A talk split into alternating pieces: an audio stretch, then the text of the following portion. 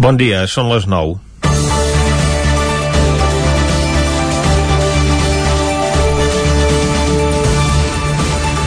El judici que s'està celebrant a l'Audiència Nacional sobre els atemptats del 17A va alimentar ahir els dubtes sobre la intervenció de la Policia Nacional en aquest cas, en relació a la investigació sobre el cap de la cèl·lula jihadista de Ripoll, l'imam Abdelbaki Essati, el qual s'acusa de ser confident del Centre Nacional d'Intel·ligència.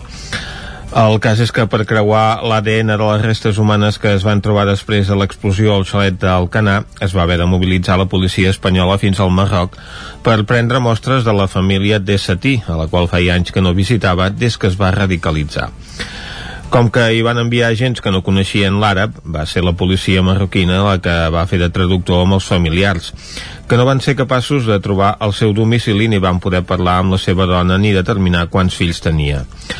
Reconeixen, en definitiva, que totes les investigacions que van dur a terme no van donar fruits, perquè tampoc no saben si la policia marroquina va recopilar imatges de Sati en el seu últim viatge al país, ni si van rastrejar la geolocalització del seu telèfon mòbil.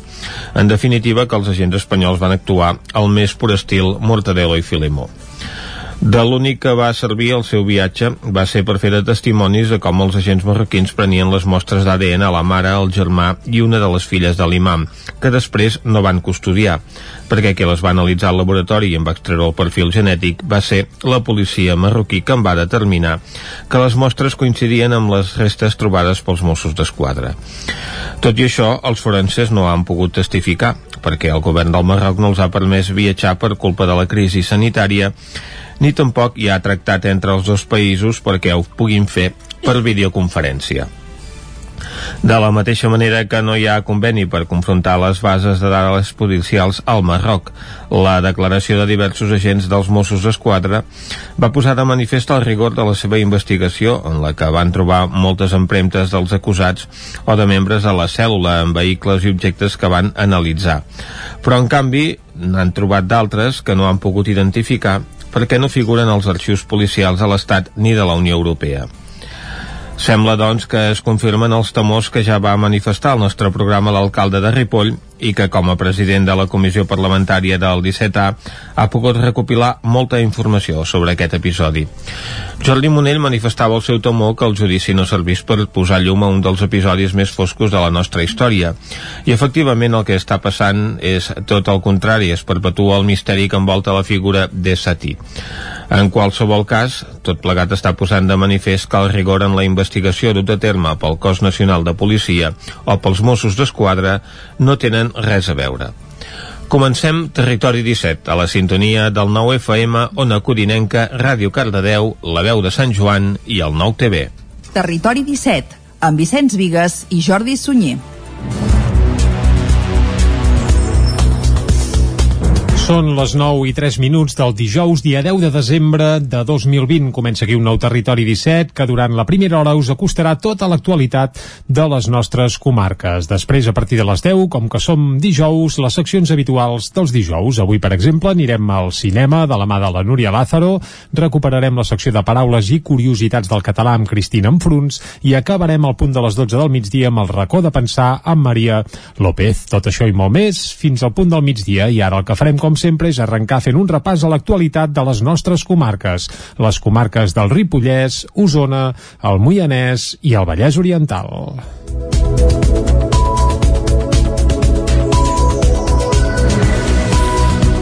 L'Hospital de Camp de Bànol manté les mesures preses arran del brot de Covid-19 al centre que acumula 3 morts més i 34 pacients ingressats. Isaac Muntades, des de la veu de Sant Joan.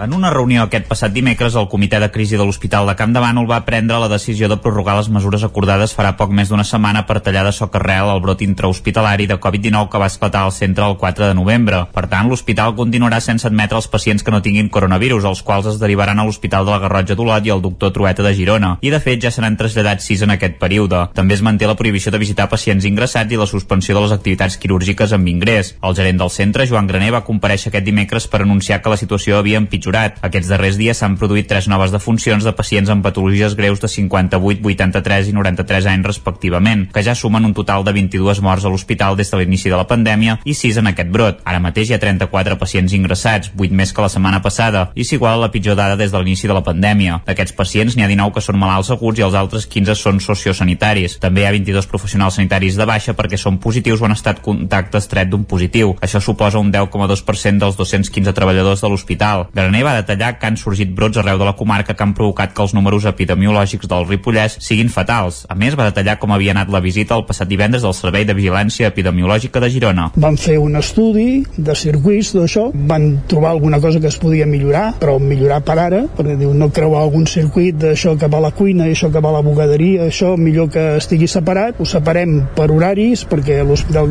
té l'estructura que té, però no van trobar cap defecte i el tema de les proteccions que fa servir el personal és el que toca i et diria que fins i tot més del que toca. En l'àmbit comarcal la situació és extremadament dolenta, ja que segons el Departament de Salut de la Generalitat de Catalunya, el Ripollès és la comarca amb l'índex de risc de rebrot més alt de tot Catalunya, amb 1.092 punts, una xifra que gairebé quadruplica la que hi havia fa una setmana i que estava per sota de 300 punts. Pel que fa a l'RT o velocitat de propagació del virus també s'ha doblat, passant d'1,04 fa una setmana a 2,12. En aquest cas, només la Conca de Barberà té una RT més alta de tot Catalunya. En els darrers dies també s'han diagnosticat 108 casos de Covid-19 en PCR i test d'antígens, que fa elevar la taxa de casos confirmats fins a 448, una xifra més de 4 vegades superiors a fa una setmana. Pel que fa a l'índex de risc de rebrot per municipi, els tres pobles més grans afectats del Ripollès són Camprodon, Ripoll i Sant Joan de les Abadeses per aquest ordre. Al municipi Camprodoní l'índex de risc de rebrot frega els 2.380 punts amb 20 casos diagnosticats en les darreres dues setmanes, dels quals 16 pertanyen a la darrera. A més, l'epidèmia creix molt i la RT és de 2,71 punts. A Ripoll el risc de rebrot és de gairebé 1.933 punts amb 60 dels 80 casos detectats que pertanyen als últims 7 dies i un creixement de la RT de 2,61 punts. La situació també és força dolenta a Sant Joan, on l'índex de risc de rebrot sobrepassa els 1.250 punts amb 15 positius diagnosticats la darrera setmana i una RT de 2,38 punts. Finalment, cal destacar el cas de Can de Bànol, que tot i tenir el brot intrahospitalari té un risc de rebrot de 625 punts amb 9 casos detectats la darrera setmana. Allà l'epidèmia també creix, però ho fa de forma moderada amb una RT d'1,19 punts.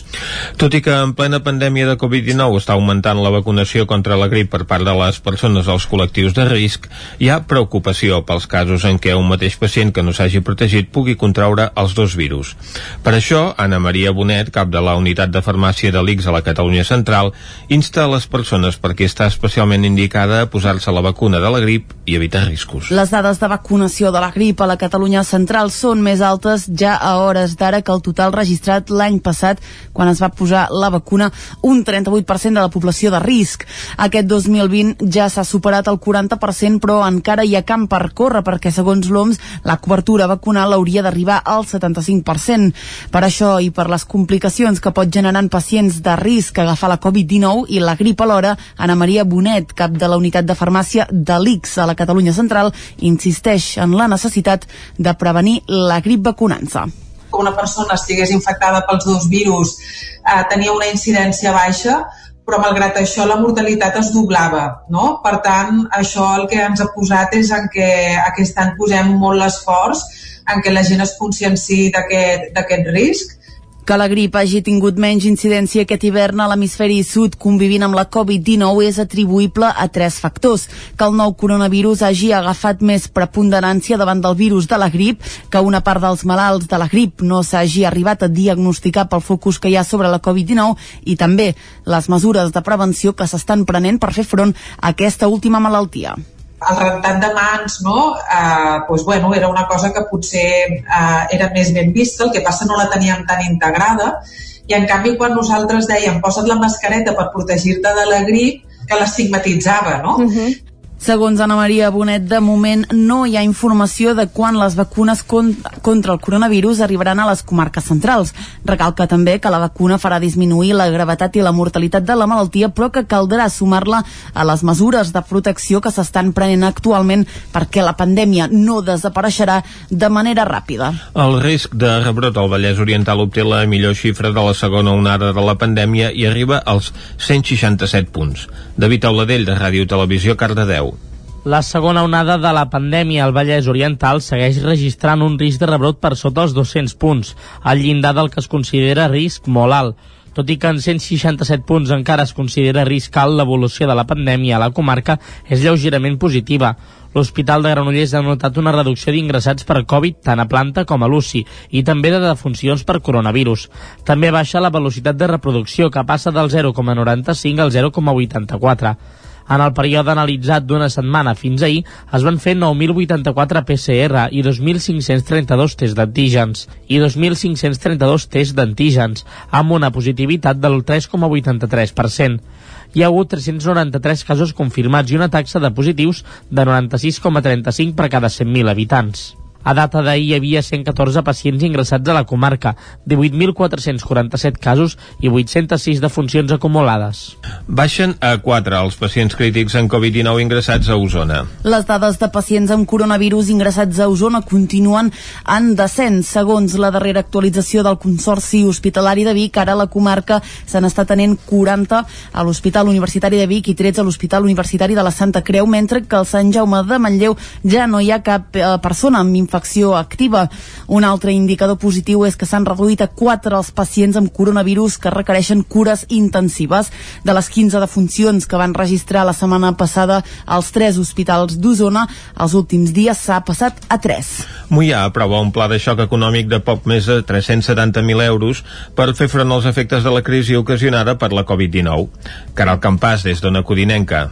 L'últim ple municipal de Mollà va servir per treballar en un pla de mesures socioeconòmiques amb tots els grups polítics. Finalment es va acabar aprovant amb el consens de totes les formacions del consistori, ara Mollà, Junts per Mollà i el Partit Socialista. Els objectius del pla de xoc que ha donat a conèixer l'equip de govern són la recuperació econòmica, la cohesió social i la reducció de la desigualtat. Aquest pla de xoc econòmic aprovat va en la línia del que han anat aprovant molts d'altres consistoris de la zona per pal·liar els efectes de la crisi econòmica. El pla de xoc de Mollà s'ha dividit en dues parts. D'una banda, ha de servir per gestionar situacions d'emergència, aportant un total de 167.341 euros. D'altra banda, es vol desenvolupar una estratègia de recuperació per les famílies més vulnerables, persones que hagin perdut la feina o per treballadors i empreses afectades per la crisi econòmica amb un pressupost de 2.954 euros. Les mesures relacionades amb l'àmbit social inclouen l'atenció a famílies vulnerables, el seguiment a persones majors de 65 anys que visquin soles, l'ampliació de les targetes Moneder, ajuts als habitatges amb menors que no tinguin connexió a internet i ampliar les activitats d'estiu que ofereix el Departament de Serveis Socials. De moment, l'Ajuntament ja ha adquirit material de protecció pels equipaments i treballadors municipals, així com també per les residències per un valor total de 10.000 euros. Pel que fa a les mesures orientades a restaurar l'economia, es preveu una línia d'ajuts per petites empreses que hagin hagut de tancar. També es destinaran ajuts a una plataforma col·laborativa de venda online i al mateix temps es farà una campanya per augmentar les compres als comerços locals i de proximitat. Finalment, en l'àmbit de la cultura, l'equip de govern donarà prioritat als creadors locals i comarcals pel que fa a la programació. La Fundació Arete ha obert al barri del Remei de Vic una botiga d'articles de segona mà que reciclen el seu centre especial de treball per persones amb problemes de salut mental.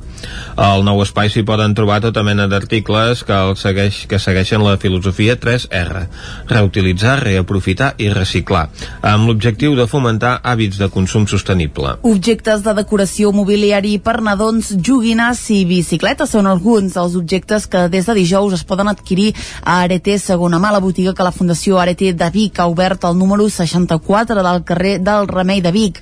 La majoria són recuperats de les deixalleries i es venen a un preu assequible, una filosofia que vol fomentar el consum sostenible d'objectes amb vida útil. Bet Piella és la regidora de Comerç de l'Ajuntament de Vic. L'obertura d'aquesta botiga és un clar exemple, molt exemplificador del que és economia social i solidària, perquè a més a més i circular, perquè a més a més eh, eh, tanca el cercle de, tot una, de tota una sèrie d'iniciatives i projectes que es porten a terme des de molts àmbits. Qui serà al capdavant del nou establiment serà la Sílvia. La seva contractació ha estat possible gràcies a una convocatòria de l'Ajuntament de Vic en suport a noves contractacions que compleix amb l'objectiu de donar oportunitats laborals a persones amb problemes de salut mental i addiccions. Sentim a Pere Medina, president de la Fundació Arete, i també a Bet Piella l'Ajuntament de Vic subvencionarà el 50% del salari mínim. Llavors això ha sigut un, una ajuda ja que tenim la persona seleccionada des del servei propi d'osonament, però clar, ens ha permès poder obrir amb tota la seguretat a la botiga. Amb això, ja us dic, és un exemple claríssim del que, del que volem per la ciutat unes empreses que ocupin unes persones que eh, d'altra manera seria difícil que poguessin estar en l'entorn laboral a la nova botiga també s'hi podran adquirir els productes propis de la fusteria d'Arete, com les taules de cultiu, contenidors per la recollida d'oli, compostadors, galliners o jardineres. I fins aquí el butlletí informatiu que us hem ofert amb les veus de Vicenç Vigues, Clàudia Dinarès, David Auladell, Caral Campàs i Isaac Muntades. Ara el que toca és fer un cop d'ull a la situació meteorològica.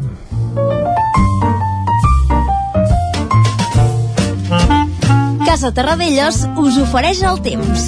I parlar del temps a Territori 17 és parlar amb el Pep Acosta, qui ja saludem ara mateix. Bon dia, Pep. Hola, molt bon dia, amics bon dia, oients. Bon dia, bon dia. I atenció, perquè uh -huh. uh, avui tenim un dia de bojos perquè Ah, fa sí? el temps. Ara jo va. diria gairebé de bojos, eh? Carai, explica't, explica't. Aquesta matinada, els que us heu llevat molt d'hora, heu vist que ha plogut una mica. Mm, ha passat un front amb més pena que la Gòria, amb molta més pena que la Gòria, diria jo. Uh, res, poder quatre gotes ha caigut a la majoria de les poblacions. I per què ha passat tan de pressa? Doncs perquè ha passat amb molt de pressa, amb pes pels vents de entre Ponent i Nord. Mm -hmm. I això no és una dada uh, insignificant. Ah, no? Ponent, Ja. entre Ponent i Nord, eh? Atenció amb el que he dit, eh? Sí, sí. Uh, ha pogut poder un litre, dos litres, ha nevat una mica més cap al Pirineu, però bueno, molt, molt poca cosa. Venim d'un dia d'ahir marcat pel vent, sobretot, uh, va tornar a fer vent, però com deia, aquesta, aquesta nit s'ha començat a entrar aquest, aquest front, ha passat molt de pressa, i aquests vents de ponent, entre ponent i de nord, més d'oest ja que de nord, uh -huh. fa que la temperatura hagi augmentat de cop. A la que ha passat el front, ja ha pujat la temperatura.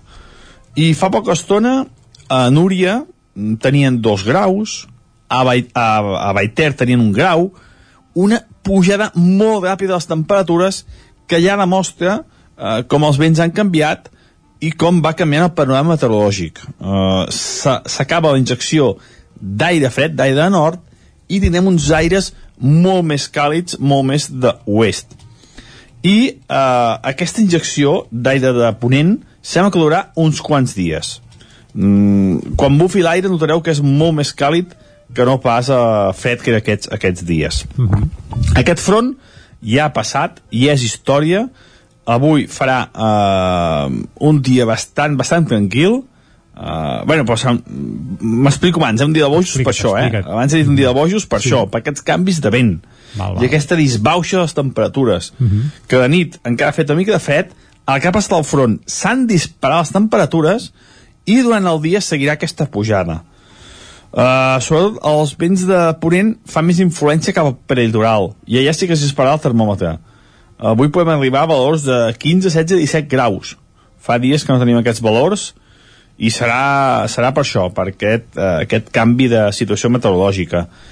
Cap al Pirineu també mm, temperatures molt més altes gairebé 10 graus a l'interior entre els 10 i els 13 bufarà vent moderat eh, sobretot a primeres, hores, a primeres hores del matí cops de 40, 50 60 km per hora sobretot cap al prelitoral i les zones de muntanya. I atenció perquè aquesta matinada passada ha passat el front hi haurà un impàs ben bé fins a mitja tarda, gairebé la nit i la matinada següent tornarà a passar un front, també impulsat per aquests vents. També el front passarà més de pressa però és una mica més actiu.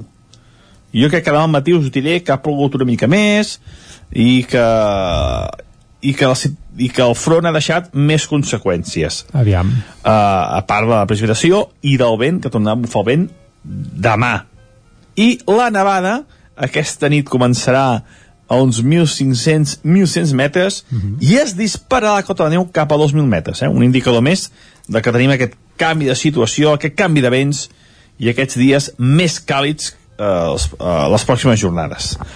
Moltes gràcies per la vostra atenció i demà eh, ja intentem explicar tot el temps del cap de setmana que estarà això marcat per aquests vents més càlids eh, aquesta nova situació meteorològica s'acaba la injecció d'aire fred. Moltes gràcies, adeu. Vinga, Pep, moltes mercès a tu i ens quedem amb això, que farà menys fred i que s'enfilen una mica les temperatures. Amb les temperatures enfilades o no, el que farem nosaltres és fer cap al quiosc.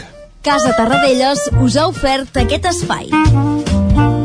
Territori 17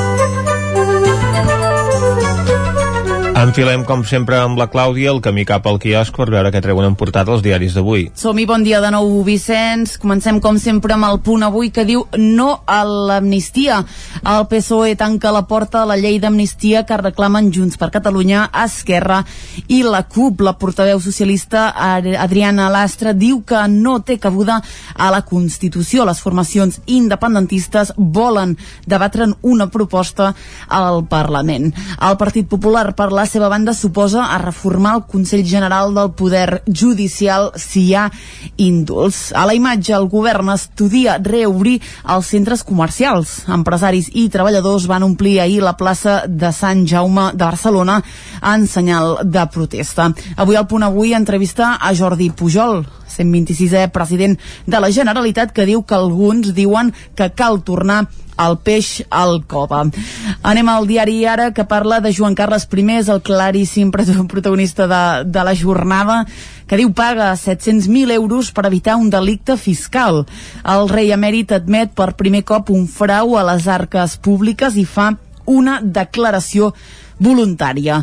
El gest està vinculat amb l'ús de targetes opaques del 2016 al 2018, no amb els milions a l'estranger. Una de les notícies, sens dubte, del dia és aquest dramàtic incendi a Badalona. Diu almenys dos ferits crítics, quatre de greus i 11 de lleus per un foc en una nau ocupada que està sent investigat. Hem de dir que aquest titular doncs, ha quedat des desactualitzat. Segons l'última hora ja s'haurien confirmat dues persones mortes en aquest incendi. A la portada de l'Ara també veiem a Merkel, diu emocionada pel Covid. En un emotiu discurs, el Bundestag crida a renunciar a les trobades de Nadal per evitar més morts. I en cultura mor Jordi Nadal, el continuador de l'obra de Vicenç i Vives. El periòdico Més formigó i plàstic que animals i boscos és un titular impactant del periòdico que diu els materials fabricats pels humans ja pesen més que tota la biomassa del planeta.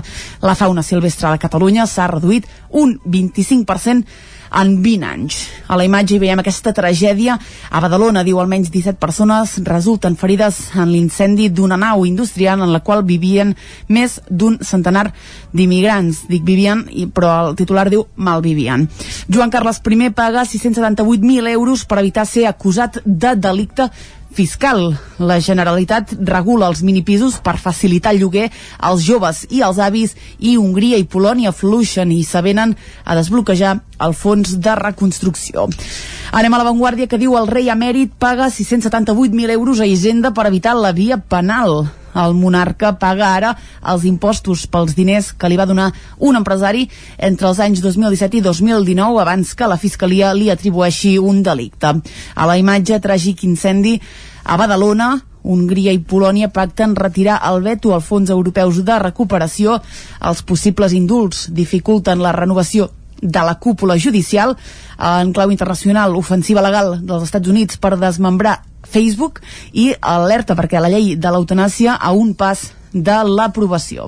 Anem a veure què treuen en portada els diaris de Madrid. Comencem amb el país que diu el rei emèrit paga Hisenda 678.393 euros de regularització. És aquesta la xifra exacta que ha pagat el rei Joan Carles I. Eh, ha fet efectiu aquest pagament per impostos no declarats per l'ús de targetes amb fons opacs per evitar que s'obri una causa judicial.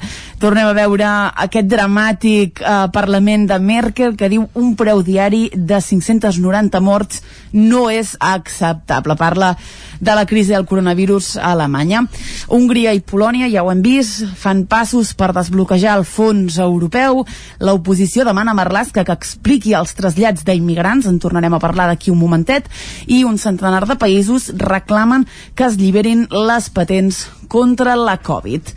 El Mundo Joan Carles I estudia tornar després de pagar la seva deuta amb Vicenda. El rei emèrit presenta una regularització de 678.000 euros per intentar evitar l'acusació per frau fiscal. A la imatge la hi veiem la presidenta de la Comissió Europea, Ursula von der Leyen, que va rebre ahir a Brussel·les el primer ministre britànic Boris Johnson en un intent per arribar in extremis a un acord comercial del Brexit. Marlaska que diu va traslladar a immigrants mentre afirmava que era il·legal. Missatges entre policies acrediten viatges a Granada, a Màlaga i també a València. Ofensiva parlamentària perquè el govern es desmarqui de Zapatero i alerta perquè Rejón ha col·locat el seu pare en un consell que influirà sobre les ajudes de la Unió Europea. Anem a la raó, avui portades de molts titulars, eh? El govern s'obre a una llei per regular la corona. Sectors del PSOE i de Podemos opten per buscar una majoria al Congrés. Es comptaria amb Zarzuela i es faria després de tancar-se el procés judicial a l'emèrit. A la portada, a la imatge, hi veiem uh, esports. El millor Real Madrid diu a vuitens com a primer de grup. Interior va enviar 300 immigrants a València i a Alacant durant aquest pont. Rajoy i Villarejo hauran de compareixer a la comissió de la Kitchen i aquí parla de les altres víctimes de la Covid-19. Diu Raül es va suïcidar davant la seva agonia per tancar el seu bar. I acabem amb l'ABC que parla del rei, diu Don Juan Carlos I pacta pagar al fisco per preparar la seva tornada a Espanya. Regularitza la seva deuta amb Hisenda i evita el delicte fiscal a l'abonar aquests 678.393 euros per les donacions que no havia declarat del milionari mexicà. I alerta perquè a la imatge veiem l'últim dia dels Franco al Pazo de Meirás. ABC recorre les estàncies amb Jaime Martínez Bordiu hores abans de que la finca passi a mans de l'Estat. Concretament, veiem a la imatge Jaime Martínez Bordiu doncs al dormitori dels seus avis. Ho deixem aquí, eh? Exacte, deixem aquí aquesta visita al quiosc i també tanquem aquí aquest bloc informatiu.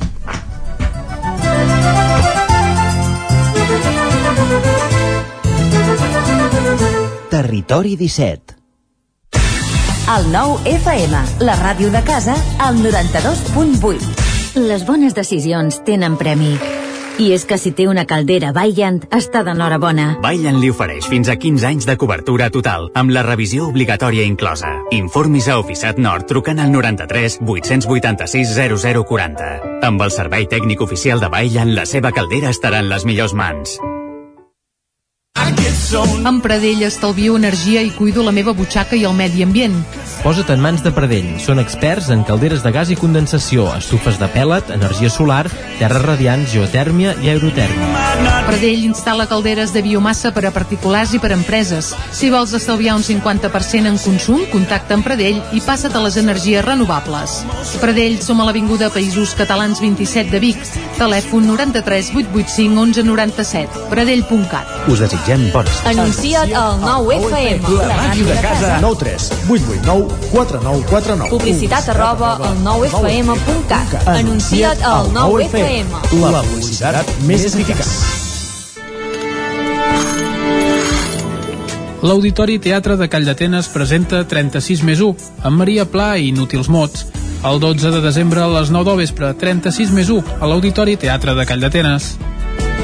Hi ha una màgia que no té truc. És la màgia de compartir una estona amb algú i parlar-hi. Vols practicar català? Vols ajudar algú a parlar-lo? Apunta't al voluntariat per la llengua.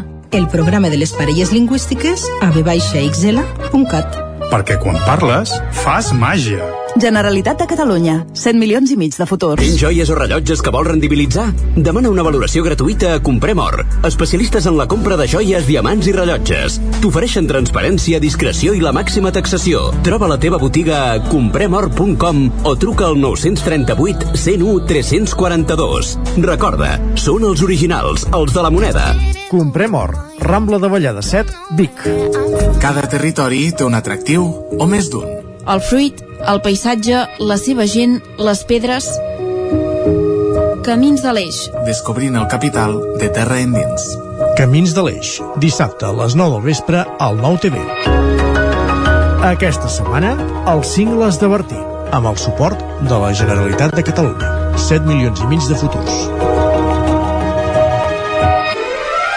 A Catalunya, el 30% de les famílies no tindrà una llar digna on celebrar aquestes festes. I més de 280.000 persones ni tan sols podran menjar el dia de Nadal. Cada gest compta. Fes un donatiu a caritascatalunya.cat i fes que Nadal arribi a totes les llars. Bon Nadal. Però per a tothom. El 9 FM. El 9 FM. El 9 FM. Territori 17, amb Vicenç Vigues i Jordi Sunyer.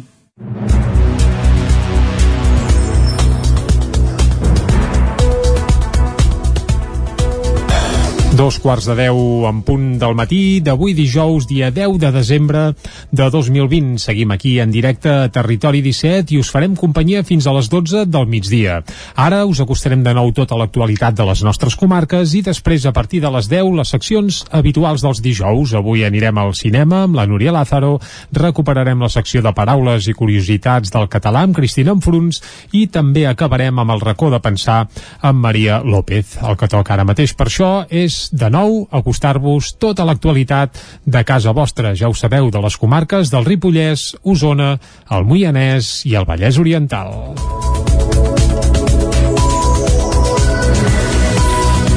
L'Hospital de Camp de Bànol manté les mesures preses arran del brot de Covid-19 al centre que acumula 3 morts més i 34 pacients ingressats. Isaac Muntades, des de la veu de Sant Joan. En una reunió aquest passat dimecres, el comitè de crisi de l'Hospital de Camp de Bànol va prendre la decisió de prorrogar les mesures acordades farà poc més d'una setmana per tallar de soc arrel el brot intrahospitalari de Covid-19 que va esclatar al centre el 4 de novembre. Per tant, l'hospital continuarà sense admetre els pacients que no tinguin coronavirus, els quals es derivaran a l'Hospital de la Garrotja d'Olot i al doctor Trueta de Girona. I, de fet, ja se n'han traslladat sis en aquest període. També es manté la prohibició de visitar pacients ingressats i la suspensió de les activitats quirúrgiques amb ingrés. El gerent del centre, Joan Graner, va compareixer aquest dimecres per anunciar que la situació havia.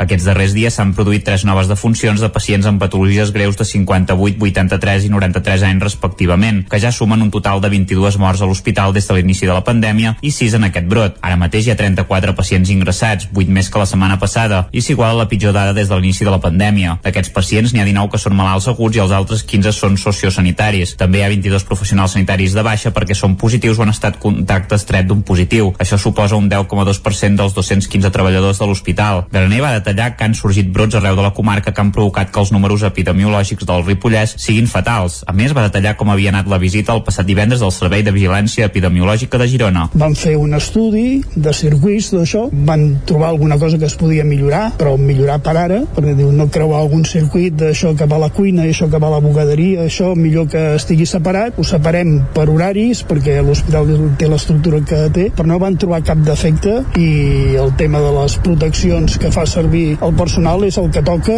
i et diria que fins i tot més del que toca. En l'àmbit comarcal, la situació és extremadament dolenta, ja que segons el Departament de Salut de la Generalitat de Catalunya, el Ripollès és la comarca amb l'índex de risc de rebrot més alt de tot Catalunya, amb 1.092 punts, una xifra que gairebé quadruplica la que hi havia fa una setmana i que estava per sota de 300 punts. Pel que fa a l'RT o velocitat de propagació del virus també s'ha doblat, passant d'1,04 fa una setmana a 2,12. En aquest cas, només la Conca de Barberà té una RT més alta de tot Catalunya. En els darrers dies també s'han diagnosticat 108 casos de Covid-19 en PCR i test d'antígens, que fa elevar la taxa de casos confirmats fins a 448, una xifra més de 4 vegades superiors a fa una setmana. Pel que fa a l'índex de risc de rebrot per municipi, els tres pobles més grans afectats del Ripollès són Camprodon, Ripoll i Sant Joan de les Abadeses per aquest ordre. Al municipi Camprodoní l'índex de risc de rebrot frega els 2.380 punts amb 20 casos diagnosticats en les darreres dues setmanes, dels quals 16 pertanyen a la darrera. A més, l'epidèmia creix molt i la RT és de 2,71 punts. A Ripoll el risc de rebrot és de gairebé 1.933 punts amb 60 dels 80 casos detectats que pertanyen als últims 7 dies i un creixement de l'RT de 2,61 punts. La situació també és força dolenta a Sant Joan, on l'índex de risc de rebrot sobrepassa els 1.250 punts amb 15 positius diagnosticats la darrera setmana i una RT de 2,38 punts. Finalment, cal destacar el cas de Can Bànol, que tot i tenir el brot intrahospitalari té un risc de rebrot de 625 punts amb 9 casos detectats la darrera setmana. Allà l'epidèmia també creix, però ho fa de forma moderada amb una RT d'1,19 punts.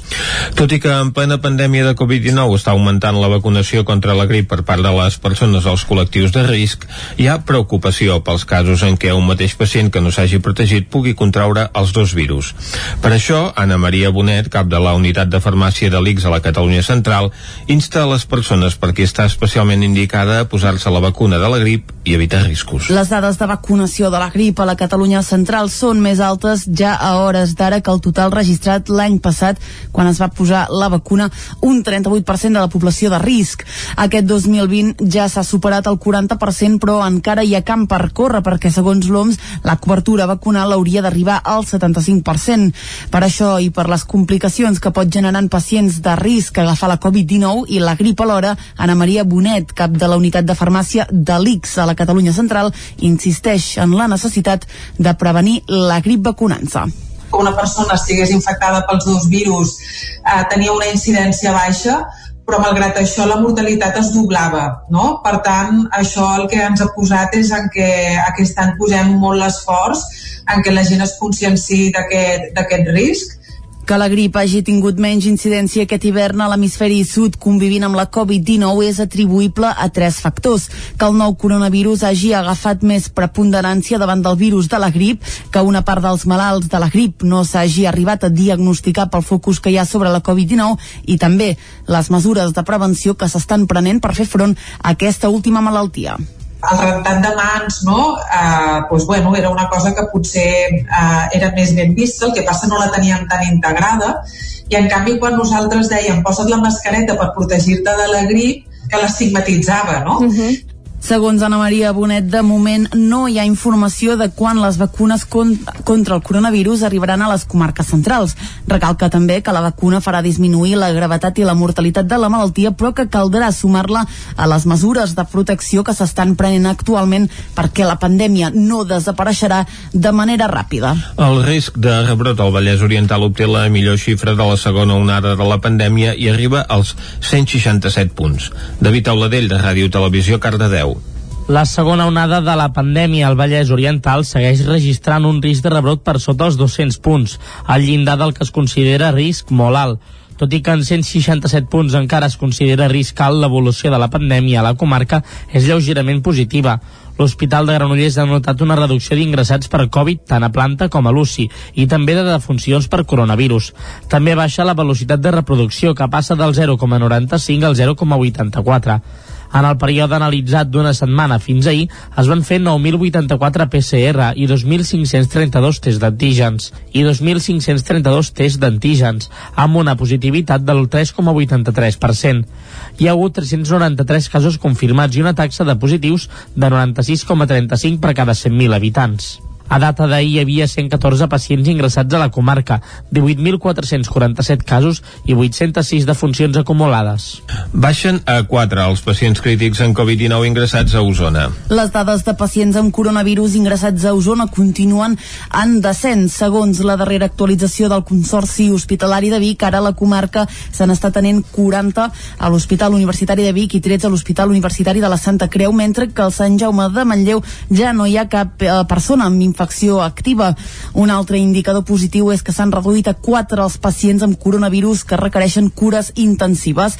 De les 15 defuncions que van registrar la setmana passada als 3 hospitals d'Osona, els últims dies s'ha passat a 3. Mollà aprova un pla de xoc econòmic de poc més de 370.000 euros per fer front als efectes de la crisi ocasionada per la Covid-19. Caral Campàs, des d'Ona Codinenca.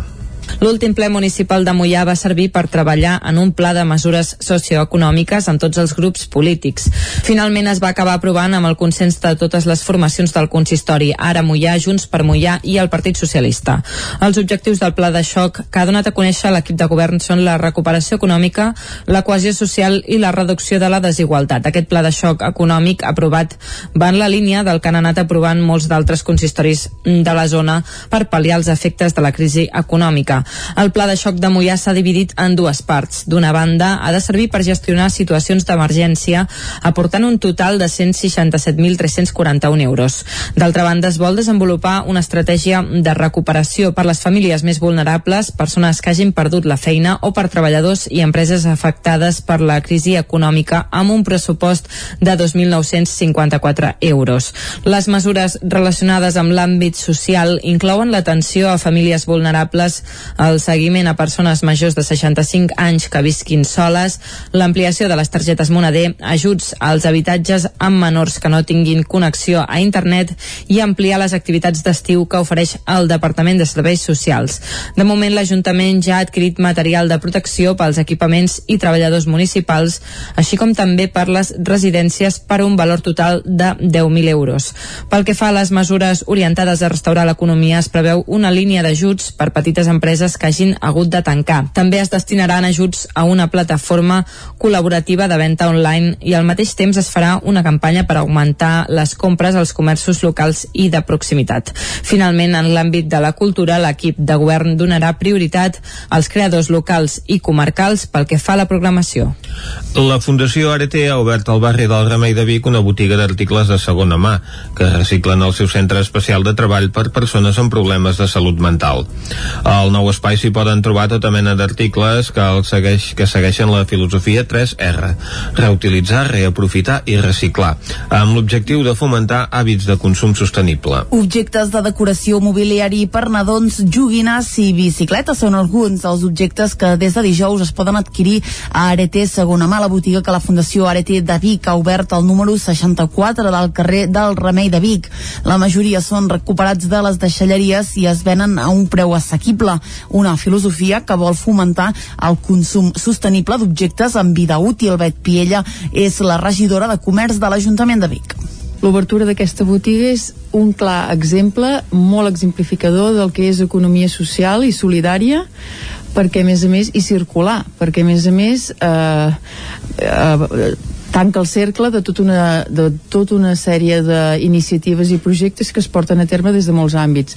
Qui serà al capdavant del nou establiment serà la Sílvia.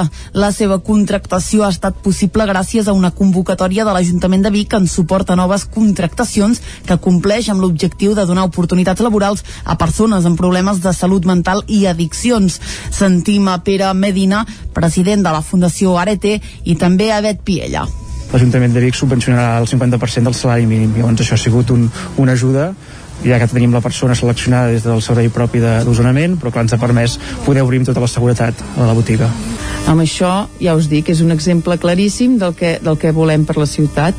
Unes empreses que ocupin unes persones que eh, d'altra manera seria difícil que poguessin estar en l'entorn laboral a la nova botiga també s'hi podran adquirir els productes propis de la fusteria d'Arete, com les taules de cultiu, contenidors per la recollida d'oli, compostadors, galliners o jardineres. I fins aquí el butlletí informatiu que us hem ofert amb les veus de Vicenç Vigues, Clàudia Dinarès, David Auladell, Caral Campàs i Isaac Muntades. Ara el que toca és fer un cop d'ull a la situació meteorològica.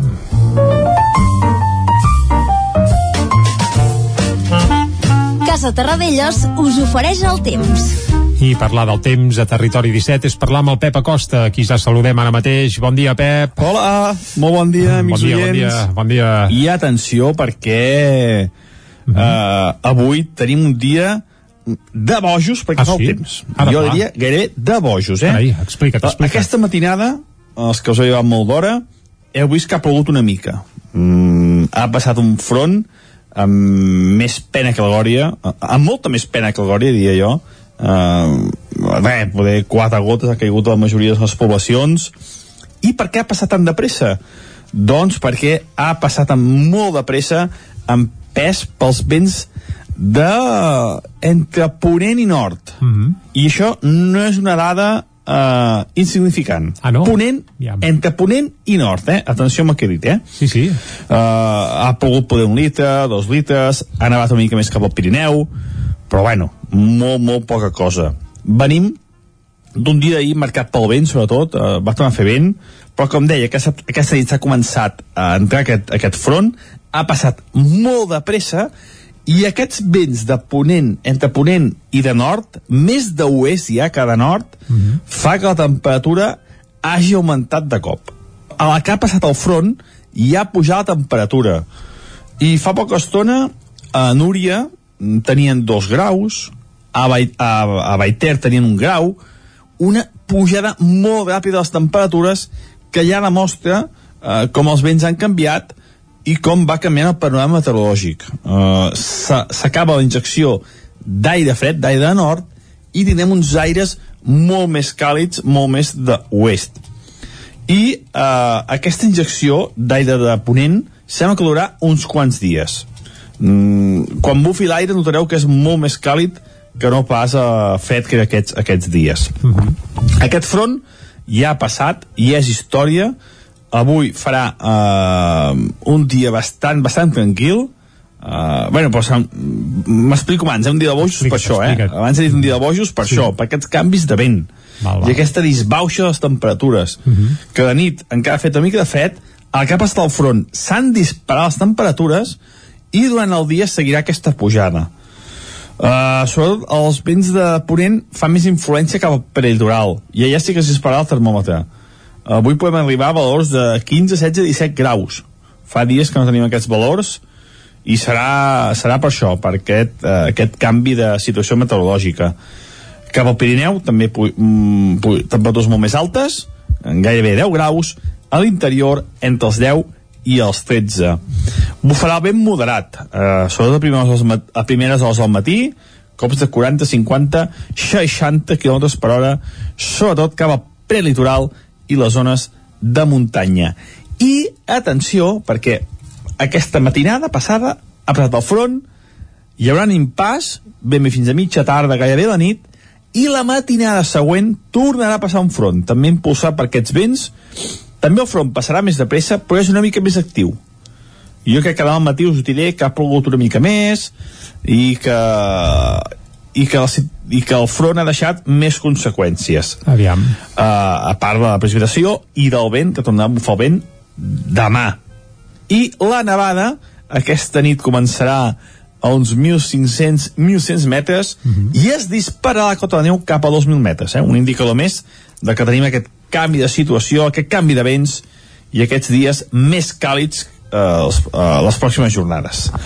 Moltes gràcies per la vostra atenció i demà eh, ja intentem explicar tot el temps del cap de setmana que estarà això, marcat per aquests vents més càlids uh, aquesta nova situació meteorològica s'acaba la injecció d'aire fred. Moltes gràcies, adeu. Vinga, Pep, moltes mercès a tu i ens quedem amb això, que farà menys fred i que s'enfilen una mica les temperatures. Amb les temperatures enfilades o no, el que farem nosaltres és fer cap al quiosc. Casa Tarradellas us ha ofert aquest espai. Territori 17 Enfilem, com sempre, amb la Clàudia el camí cap al quiosc per veure què treuen en portada els diaris d'avui. Som-hi, bon dia de nou, Vicenç. Comencem, com sempre, amb el punt avui que diu no a l'amnistia. El PSOE tanca la porta a la llei d'amnistia que reclamen Junts per Catalunya, Esquerra i la CUP. La portaveu socialista Adriana Lastra diu que no té cabuda a la Constitució. Les formacions independentistes volen debatre'n una proposta al Parlament. El Partit Popular, per la seva seva banda suposa a reformar el Consell General del Poder Judicial si hi ha índols. A la imatge, el govern estudia reobrir els centres comercials. Empresaris i treballadors van omplir ahir la plaça de Sant Jaume de Barcelona en senyal de protesta. Avui al punt avui entrevista a Jordi Pujol, 126è president de la Generalitat, que diu que alguns diuen que cal tornar el peix al cova. Anem al diari Ara, que parla de Joan Carles I, el claríssim protagonista de, de la jornada, que diu paga 700.000 euros per evitar un delicte fiscal. El rei emèrit admet per primer cop un frau a les arques públiques i fa una declaració voluntària. El gest està vinculat amb l'ús de targetes opaques del 2016 al 2018, no amb els milions a l'estranger. Una de les notícies, sens dubte, del dia és aquest dramàtic incendi a Badalona. Diu almenys dos ferits crítics, quatre de greus i onze de lleus per un foc en una nau ocupada que està sent investigat. Hem de dir que aquest titular doncs, ha quedat des desactualitzat. Segons l'última hora ja s'haurien confirmat dues persones mortes en aquest incendi. A la portada de l'Ara també veiem a Merkel, diu emocionada pel Covid. En un emotiu discurs, el Bundestag crida a renunciar a les trobades de Nadal per evitar més morts. I en cultura mor Jordi Nadal, el continuador de l'obra de Vicenç i Vives. El periòdico Més formigó i plàstic que animals i boscos és un titular impactant del periòdico que diu els materials fabricats pels humans ja pesen més que tota la biomassa del planeta. La fauna silvestre de Catalunya s'ha reduït un 25% en 20 anys. A la imatge hi veiem aquesta tragèdia. A Badalona, diu, almenys 17 persones resulten ferides en l'incendi d'una nau industrial en la qual vivien més d'un centenar d'immigrants. Dic vivien, però el titular diu malvivien. Joan Carles I paga 678.000 euros per evitar ser acusat de delicte fiscal. La Generalitat regula els minipisos per facilitar el lloguer als joves i als avis i Hongria i Polònia fluixen i s'avenen a desbloquejar el fons de reconstrucció. Anem a l'avantguàrdia que diu el rei emèrit paga 678.000 euros a Hisenda per evitar la via penal el monarca paga ara els impostos pels diners que li va donar un empresari entre els anys 2017 i 2019 abans que la Fiscalia li atribueixi un delicte. A la imatge tràgic incendi a Badalona, Hongria i Polònia pacten retirar el veto als fons europeus de recuperació. Els possibles indults dificulten la renovació de la cúpula judicial en clau internacional ofensiva legal dels Estats Units per desmembrar Facebook i alerta perquè la llei de l'eutanàsia a un pas de l'aprovació. Anem a veure què treuen en portada els diaris de Madrid. Comencem amb el país que diu el rei emèrit paga Hisenda 678.393 euros de regularització. És aquesta la xifra exacta que ha pagat el rei Joan Carles I. Eh, ha fet efectiu aquest pagament per impostos no declarats per l'ús de targetes amb fons opacs per evitar que s'obri una causa judicial. Tornem a veure aquest dramàtic eh, Parlament de Merkel que diu diu un preu diari de 590 morts no és acceptable. Parla de la crisi del coronavirus a Alemanya. Hongria i Polònia, ja ho hem vist, fan passos per desbloquejar el fons europeu. L'oposició demana a Marlaska que expliqui els trasllats d'immigrants, en tornarem a parlar d'aquí un momentet, i un centenar de països reclamen que es lliberin les patents contra la Covid. El Mundo Joan Carles I estudia tornar després de pagar la seva deuta amb Vicent. El rei emèrit presenta una regularització de 678.000 euros per intentar evitar l'acusació per frau fiscal. A la imatge la hi veiem la presidenta de la Comissió Europea, Ursula von der Leyen, que va rebre ahir a Brussel·les el primer ministre britànic Boris Johnson en un intent per arribar in extremis a un acord comercial del Brexit. Marlaska que diu va traslladar a immigrants mentre afirmava que era il·legal. Missatges entre policies acrediten viatges a Granada, a Màlaga i també a València. Ofensiva parlamentària perquè el govern es desmarqui de Zapatero i alerta perquè Rejón ha col·locat el seu pare en un consell que influirà sobre les ajudes de la Unió Europea. Anem a la raó, avui portades de molts titulars, eh? El govern s'obre a una llei per regular la corona. Sectors del PSOE i de Podemos opten per buscar una majoria al Congrés. Es comptaria amb Zarzuela i es faria després de tancar-se el procés judicial a l'emèrit. A la portada, a la imatge, hi veiem eh, esports. El millor Real Madrid diu a vuitens com a primer de grup. Interior va enviar 300 immigrants a València i Alacant durant aquest pont. Rajoy i Villarejo hauran de compareixer a la comissió de la Kitchen i aquí parla de les altres víctimes de la Covid-19. Diu Raül es va suïcidar davant la seva agonia per tancar el seu bar. I acabem amb l'ABC que parla del rei, diu Don Juan Carlos I pacta pagar al fisco per preparar la seva tornada a Espanya. Regularitza la seva deuta amb Hisenda i evita el delicte fiscal a l'abonar aquests 678.393 euros per les donacions que no havia declarat del milionari mexicà. I alerta perquè a la imatge veiem l'últim dia dels Franco al Pazo de Meirás. ABC recorre les estàncies amb Jaime Martínez Bordiu hores abans de que la finca passi a mans de l'Estat. Concretament, veiem a la imatge Jaime Martínez Bordiu doncs al dormitori dels seus avis. Ho deixem aquí, eh? Exacte, deixem aquí aquesta visita al quiosc i també tanquem aquí aquest bloc informatiu. I després del bloc informatiu obrim el bloc musical, no sense abans, eh, aprofitant que avui ve la Cristina, recordar que el, les deutes no són femenines, sinó que són masculines, eh? No. Els deutes.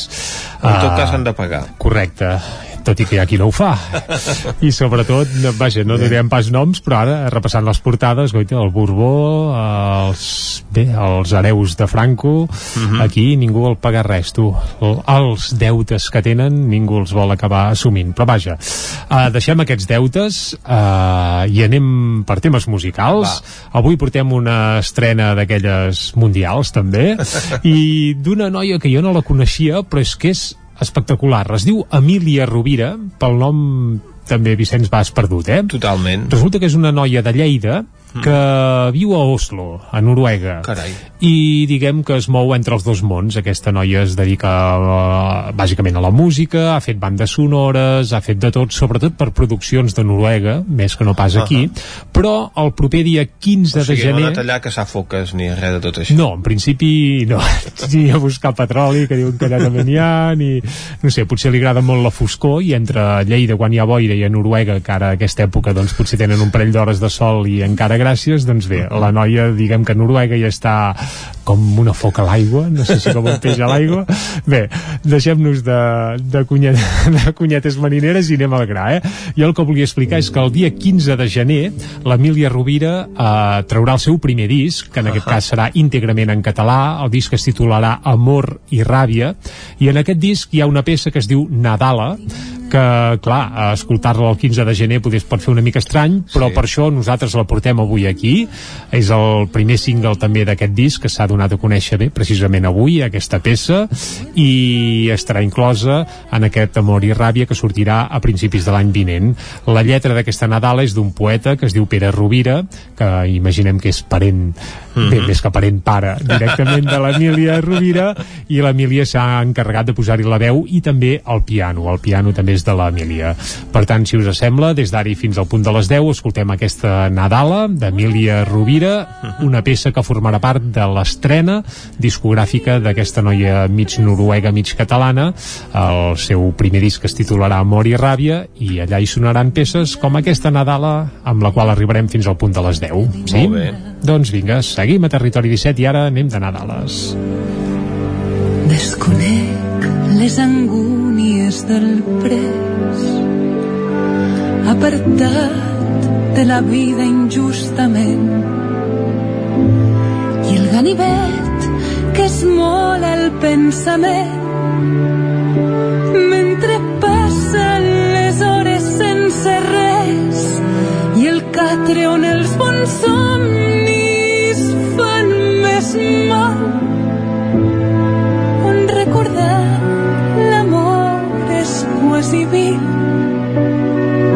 on no s'adorm el cansament hostil i l'home abandonat sobre en canal. Al desembre gelat plora el meu net. Com ploren tots els nens amb la por al front.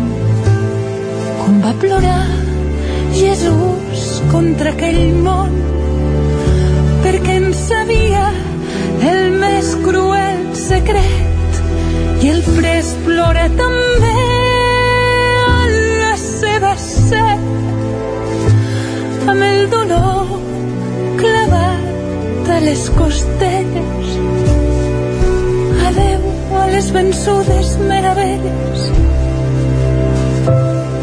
Ja no deixa el meu viure que fes tele. Avui, l'home que dicta les sentències. Va a la missa del gall amb els seus fills sentint-se recte. Lliure de perills. Convençut que el bon Déu preferències. És el temple dels justos i del bé, a punt de rebre l'hòstia consagrat. Però el nen que va néixer en el portal fuig de la sida i fosca bafarada i escolta un pare nostre presoner per deslliurar qui el resa del seu mal per deslliurar qui el resa del seu mal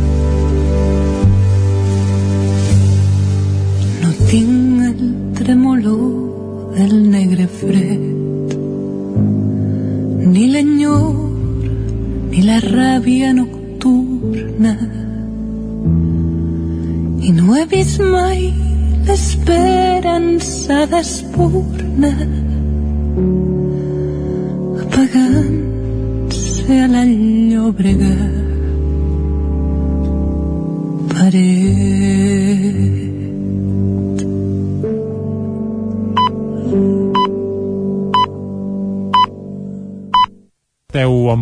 torna la informació de les nostres comarques, les comarques del Ripollès, Osona, el Moianès i el Vallès Oriental.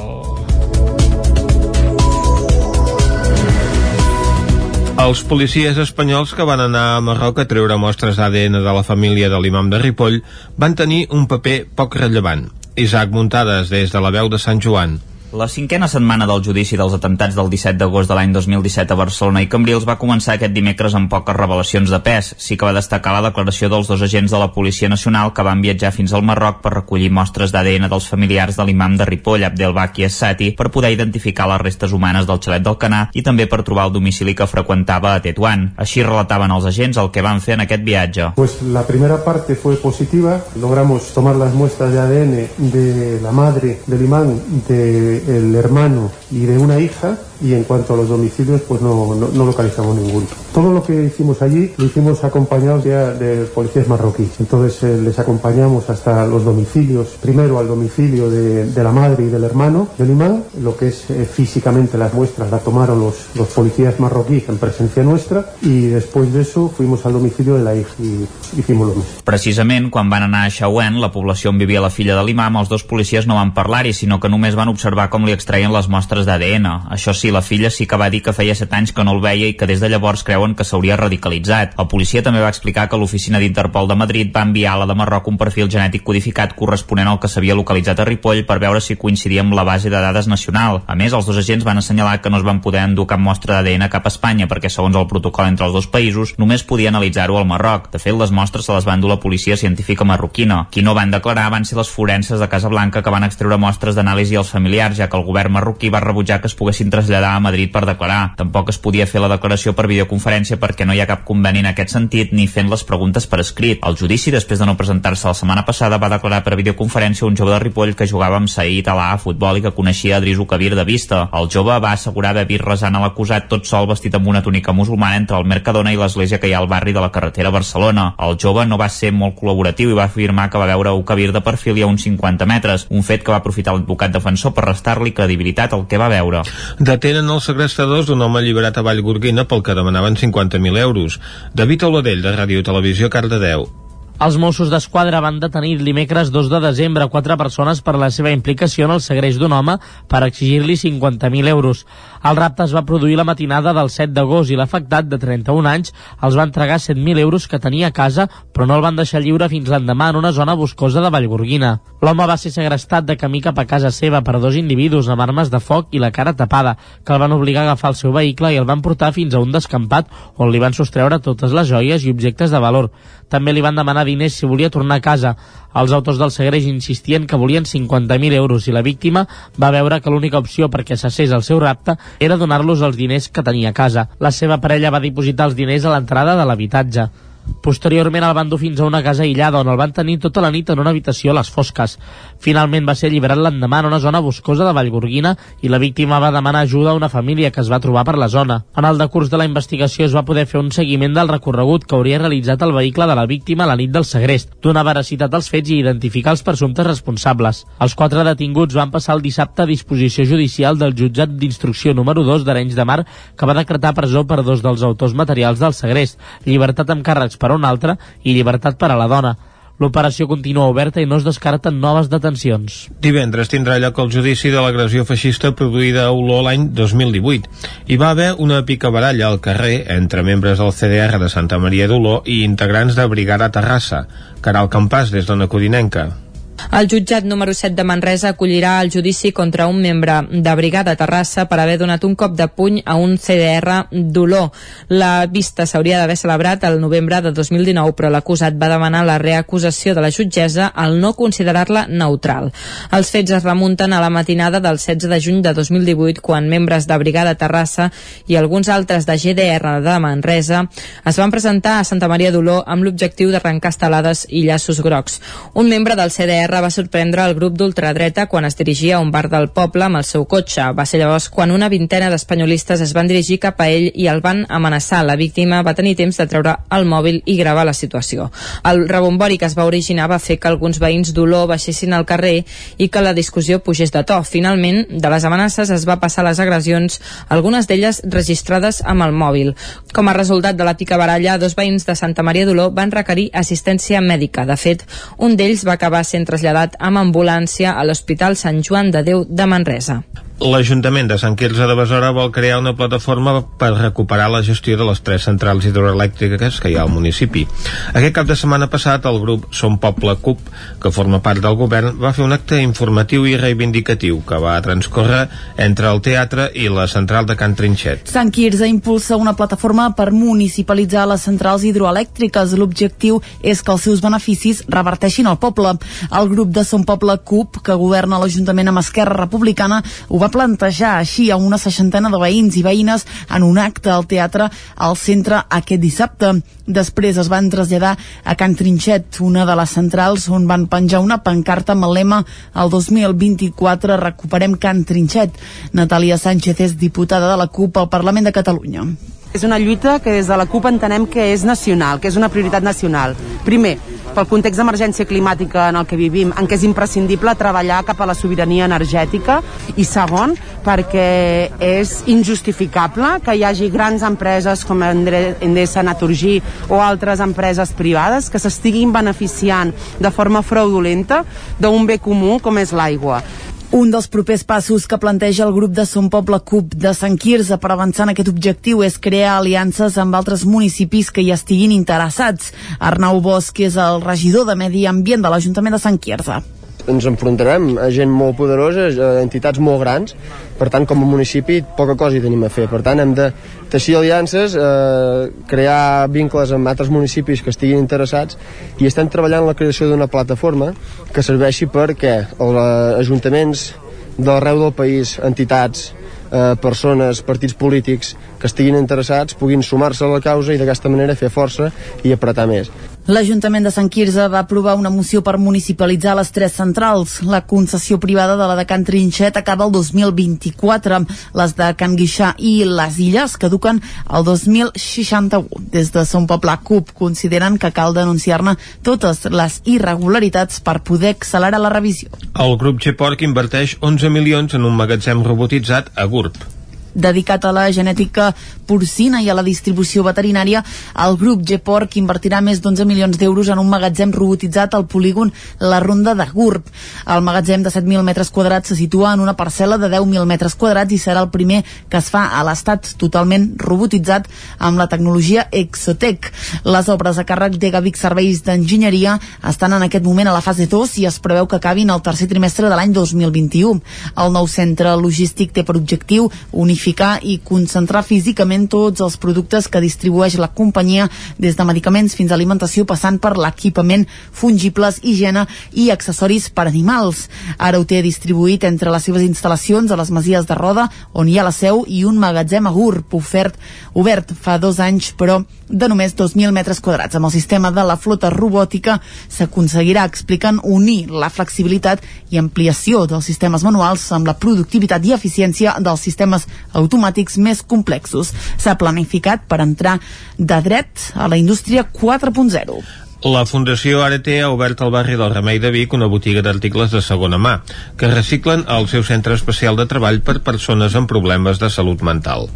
Al nou espai s'hi poden trobar tota mena d'articles que segueixen la filosofia 3R, reutilitzar, reaprofitar i reciclar amb l'objectiu de fomentar hàbits de consum sostenible. Objectes de decoració, mobiliari per nadons, joguines i bicicletes són alguns dels objectes que des de dijous es poden adquirir a Arete Segona Mà, la botiga que la Fundació Arete de Vic ha obert al número 64 del carrer del Remei de Vic. La majoria són recuperats de les deixalleries i es venen a un preu assequible. Una filosofia que vol fomentar el consum sostenible d'objectes amb vida útil. Bet Piella és la regidora de comerç de l'Ajuntament de Vic. L'obertura d'aquesta botiga és un clar exemple, molt exemplificador del que és economia social i solidària, perquè a més a més, i circular, perquè a més a més eh, eh, tanca el cercle de, tot una, de tota una sèrie d'iniciatives i projectes que es porten a terme des de molts àmbits. Qui serà al capdavant del nou establiment serà la Sílvia. La seva contractació ha estat possible gràcies a una convocatòria de l'Ajuntament de Vic en suport a noves contractacions que compleix amb l'objectiu de donar oportunitats laborals a persones amb problemes de salut mental i addiccions. Sentim a Pere Medina, president de la Fundació Arete, i a Bet Piella l'Ajuntament de Vic subvencionarà el 50% del salari mínim. Llavors això ha sigut un, una ajuda ja que tenim la persona seleccionada des del servei propi d'osonament, però que ens ha permès poder obrir amb tota la seguretat a la botiga. Amb això, ja us dic, és un exemple claríssim del que, del que volem per la ciutat unes empreses que ocupin unes persones que eh, d'altra manera seria difícil que poguessin estar en l'entorn laboral a la nova botiga també s'hi podran adquirir els productes propis de la fusteria d'Arete, com les taules de cultiu, contenidors per la recollida d'oli, compostadors, galliners o jardineres. I fins aquí el butlletí informatiu de les 10 del matí que us hem ofert amb les veus de Vicenç Vigues, Clàudia Dinarès, David Auladell, Caral Campàs i Isaac Muntades. Ara el que toca és acostar-vos de nou la informació meteorològica.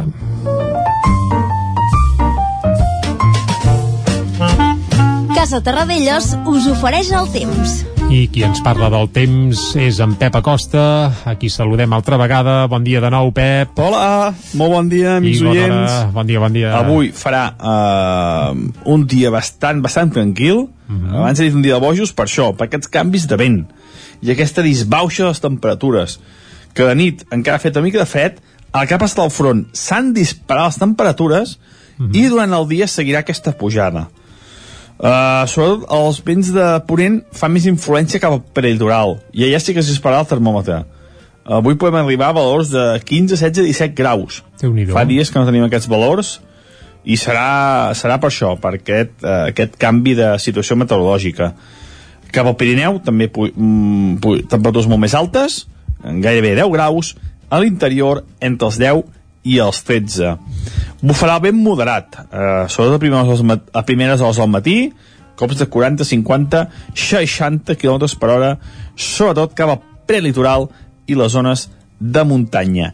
I, atenció, perquè aquesta matinada passada ha passat el front, hi haurà un impàs, ben bé fins a mitja tarda, gairebé la nit, mm -hmm. i la matinada següent tornarà a passar un front, també impulsat per aquests vents, també el front passarà més de pressa, però és una mica més actiu.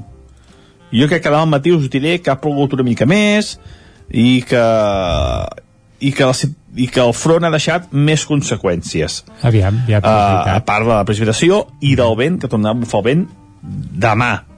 I la nevada, aquesta nit començarà a uns 1.500-1.100 metres i es dispararà la cota de neu cap a 2.000 metres, eh? un indicador més de que tenim aquest canvi de situació, aquest canvi de vents i aquests dies més càlids eh, les, eh, les pròximes jornades. Moltes gràcies per la vostra atenció i demà eh, ja intentem explicar tot el temps del cap de setmana uh -huh. que estarà això marcat per aquests vents més càlids eh, aquesta nova situació meteorològica s'acaba la injecció d'aire fred moltes gràcies, adeu Vinga, gràcies a tu, Pep. Nosaltres ara farem una breu pausa i anem cap a Sant Joan de les Abadesses, a la veu de Sant Joan, per parlar d'un llibre que explica les aventures del map. Ho coneixerem de seguida. Casa Tarradellas us ha ofert aquest espai. Territori 17. Envia'ns les teves notes de veu per WhatsApp al 646 079 023. 646 079 023. WhatsApp Territori 17.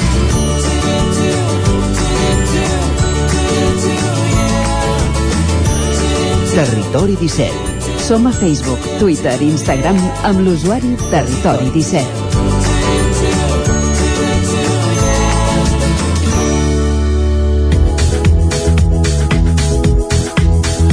Falta un minut per un quart d'onze.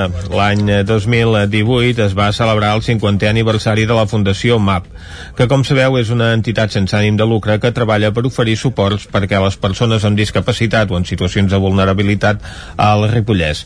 Dos anys després, la periodista Marta Roder i la psicòloga i escriptora Cristina Casas, que treballen totes dues a l'entitat, han escrit a quatre mans el llibre Fundació MAP, 50 anys construint futur, un llibre que es va presentar el passat divendres al CAT de Canguetes i que va comptar, entre altres autoritats, amb la presència del conseller de Treball, Afers Social i Famílies de la Generalitat, Shakir El Honrani. Anem ara cap a la veu de Sant Joan, allà ens hi espera l'Isaac Muntades. Bon dia, Isaac.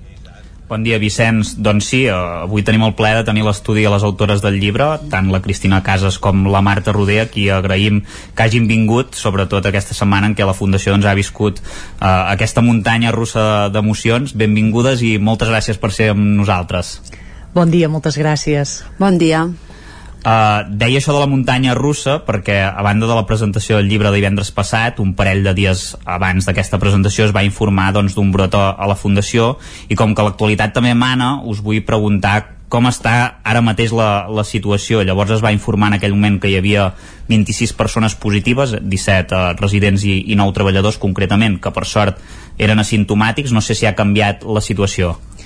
Bé, diguéssim que la situació ha anat fent l'evolució que, que preveiem, que preveiem una mica amb, amb salut. Aquest brot es va detectar eh, concretament amb, amb les llars residències, que és una de les modalitats dels serveis residencials de, de la Fundació MAP. Uh, va començar doncs això per, per un resident que semblava que no es trobava bé com la, la sintomatologia coincidia, va donar positiu a partir d'aquí doncs ja ens vam ficar en mans de salut. I diguéssim d'aquests 17 residents ara estem a 21 a 21 residents de les llars residents, uh, residències positius que era de preveure, és a dir vam sectoritzar ja les llars residències els tenim allà mateix la, la gran majoria amb aquestes zones denominades verdes, eh, grogues, taronges i vermelles, doncs era de suposar que algun de, de zona groga, taronja encara pogués donar positiu. Per tant, en aquests moments tenim aquests 21 positius, la majoria simptomàtics o amb sintomatologia greu, sí que hem d'informar que vam tenir 5 persones parlo en passat, hospitalitzades a, a Can de Bànol per, per una complicació, saps que ja feien quadre una miqueta més de pneumonia perquè aquest virus és el que té, que estàs bé i de cop eh, doncs comences a saturar malament i ja necessites una mica d'ajuda. D'aquestes persones ja només en queden dues a l'hospital i sí que hem de dir que una d'elles eh, la situació és greu. És greu en aquests moments i la tenim lluitant i, i tots nosaltres eh, pensant en aquesta persona també. Vull dir que són, sí que són moments complicats. Arran d'aquest brot sí que vam fer un segon cribatge a la Fundació, vam insistir a Sanitat que ens el fes perquè Sanitat ens operava ja allà i vam considerar que doncs, alguns dels, eh, del personal de suport que havia donat positiu havia estat en contacte amb alguna altra persona atesa dels serveis diurns i vam fer eh, dels 36 cribatges que vam fer de persones que viuen a casa però que acudeixen cada dia als serveis diurns van sortir 6 positius que en aquests moments doncs, estan fent l'aïllament a casa seva si bé també és difícil determinar fins a quin punt eh, pertanyen al brot o també els hi ha vingut per una altra via perquè hem de dir que el Ripoll i el Ripollès en algunes zones doncs estem, estem tinguent diferents brots i poden venir per diferents situacions. Aquí estem, lluitant. I us heu sentit desatesos pel Departament de Salut en aquest moment, doncs, que com comentaves hi ha diferents brots al Ripollès i per tant hi ha aquesta preocupació per la situació sanitària quan en un centre d'aquest tipus doncs, apareix un brot, evidentment la preocupació és màxima i no sé si alhora doncs, us heu eh, sentit prou recolzats per fer front a aquesta situació. Sí, no, la veritat és que en, en aquests moments absolutament sí, molt recolzats. Nosaltres diem que hem tingut, dintre de tot, sabíem que arribaria, que arribaria el brot mm, per estadística, per, per número de treballadors, per número de persones ateses, sabíem que entraria i, per sort, ens ha entrat en un moment en què tant el departament com nosaltres estàvem preparats. Si ens hagués arribat a la primera onada, uh -huh. segurament aquesta primera onada sí que ens vam sentir desatesos en el sentit de que no se sabia què s'havia de fer. En aquells moments no vam tenir cap positiu, però sí que eh, aquesta sensació de desatenció per aquestes entitats del tercer sector que no ens acabàvem d'enquadrar a cap lloc no? Mm, sí, sí que la vam tenir però no vam haver de lamentar eh, que ens entrés en aquests moments sí que hem de dir que tant a nivell local i comarcal tant de l'ambulatori com de l'hospital com a nivell de regió que nosaltres pertanyem a la regió sanitària de Girona i tenim el director coordinador de residències de Girona que ens han fet un seguiment i ens estan fent un seguiment, la veritat, molt bo. En aquest sentit, i en aquests moments sí que ens sentim acompanyats. Eh, el que no podem preveure és, és l'evolució d'aquest virus que és el que dèiem, que vam començar tots asimptomàtics i, amb, i lleus i ara mateix doncs és això, que una de les persones s'ha complicat i, i la tenim lluitant. Mm -hmm. Esperem que doncs evolucionin positivament totes aquestes persones afectades i anem, si us sembla, al que va ser aquest acte de divendres, aquesta presentació del llibre, que suposo que molt esperada i amb molta il·lusió de poder-lo presentar perquè és una feina de molt temps, però esclar, amb aquest regust agradols de no poder fer l'acte que s'hauria desitjat amb la presència de més gent, no? Sí, efectivament, nosaltres ens hagués agradat eh, fer una presentació amb famílies, amb persones ateses, que a més a més els hi feia molta il·lusió, però, però l'actualitat manava, sí que és veritat que ens marcava molt la visita del conseller El Homrani, vam estar considerant si ho suspeníem o no, vam dir que, mira, mm, també ens coincidia amb el Dia Internacional de les Persones amb Discapacitat, vam fer un acte molt reduït, només amb autoritats, sí que el vam donar en directe pel YouTube i ens van estar seguint doncs 20 i pico persones en directe des de casa, eh, més les que després han pogut veure el vídeo, per tant, eh, eh, amb això ja ens sentim satisfetes també amb el sentit que ens hagin pogut seguir les persones que no van poder ser allà. I quan va començar a gestar-se el llibre? No sé si heu dedicat molt de temps a fer-lo. Doncs inicialment el llibre el van plantejar dins els actes de commemoració dels 50 anys de la Fundació MAP, que va ser el 2018. Però per diversos motius es va anar ajornant i no l'hem tingut fins ara. Dins aquest context de commemoració dels 50 anys, sí que vam tenir la idea de recollir en un llibre la trajectòria d'aquests 50 anys de l'entitat el projecte s'ha anat allargant, ja et dic, eh, fins, a, fins a dos anys, entre d'altres coses perquè l'hem hagut de compaginar, tant jo com la Marta, amb altres activitats, i no hi, ens hi hem pogut dedicar temps complet. I el llibre és planer i curt perquè tothom el pugui llegir ràpidament, no? Expliqueu una, una mica les característiques. Sí, efectivament, quan vam plantejar aquest llibre, de fet, eh, venia una miqueta estructurat ja per una exposició que també vam fer amb motiu dels 50 anys, uh -huh.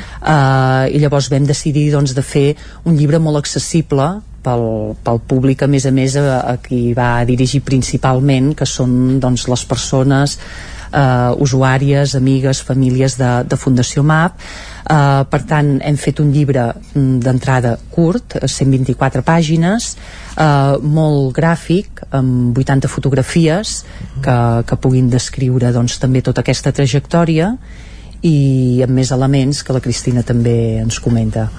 Sí, també volíem que, que fos un llibre eh, sobretot accessible i per això al final de cada una de les parts hi hem inclòs un resum en format de lectura fàcil pensant sobretot en aquelles persones que puguin tenir una dificultat lectora, ja sigui per, una, per un deteriorament cognitiu, per, una, per un dèficit visual o senzillament perquè no coneixen bé l'idioma.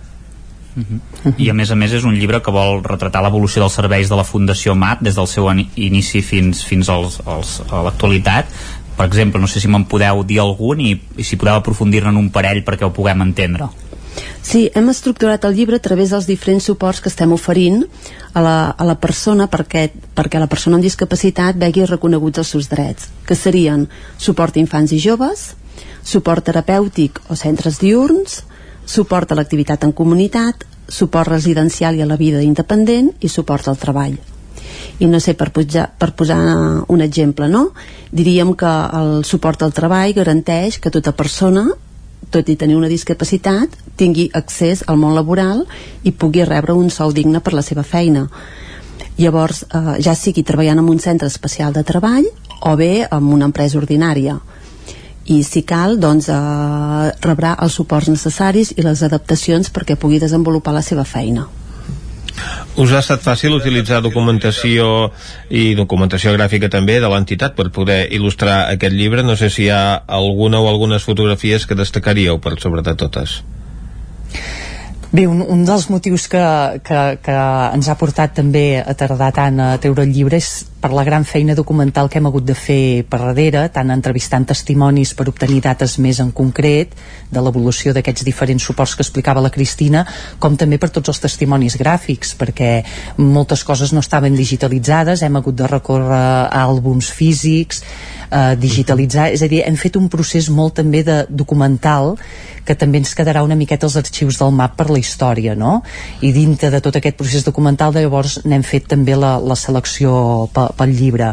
Sobretot ens quedem molt amb les fotografies dels inicis, d'aquesta escola inicial, que és del que més ens costava trobar, trobar fotografies d'aquests primers alumnes, alguns dels quals llavors vam descobrir que havien passat la major part de la seva vida amb nosaltres i que encara els teníem amb nosaltres. Per tant, ha estat un, un, una mirada enrere molt, molt bonica i poder sobretot recuperar aquestes fotografies inicials. Al llibre també hi trobem entrevistes, no sé quantes n'heu fet i si en destacaríeu alguna. Al llibre hem recollit fragments de converses de 13 testimonis que relaten en primera persona la seva vivència i contribueixen a donar a, a fer el text molt més amè i, i, i fer-lo més viu són, jo diria que totes són interessants i, i, i costa no? de, de destacar-ne alguna potser, si ens ho mirem des d'una vessant històrica sí que destacaria la dels testimonis més antics que en aquest cas seria la, la senyora Casilda Gómez que és l'actual presidenta del patronat i el doctor Maideu que tots dos, en aquest cas, van veure el naixement de la fundació i varen estar col·laborant i treballant des de l'inici.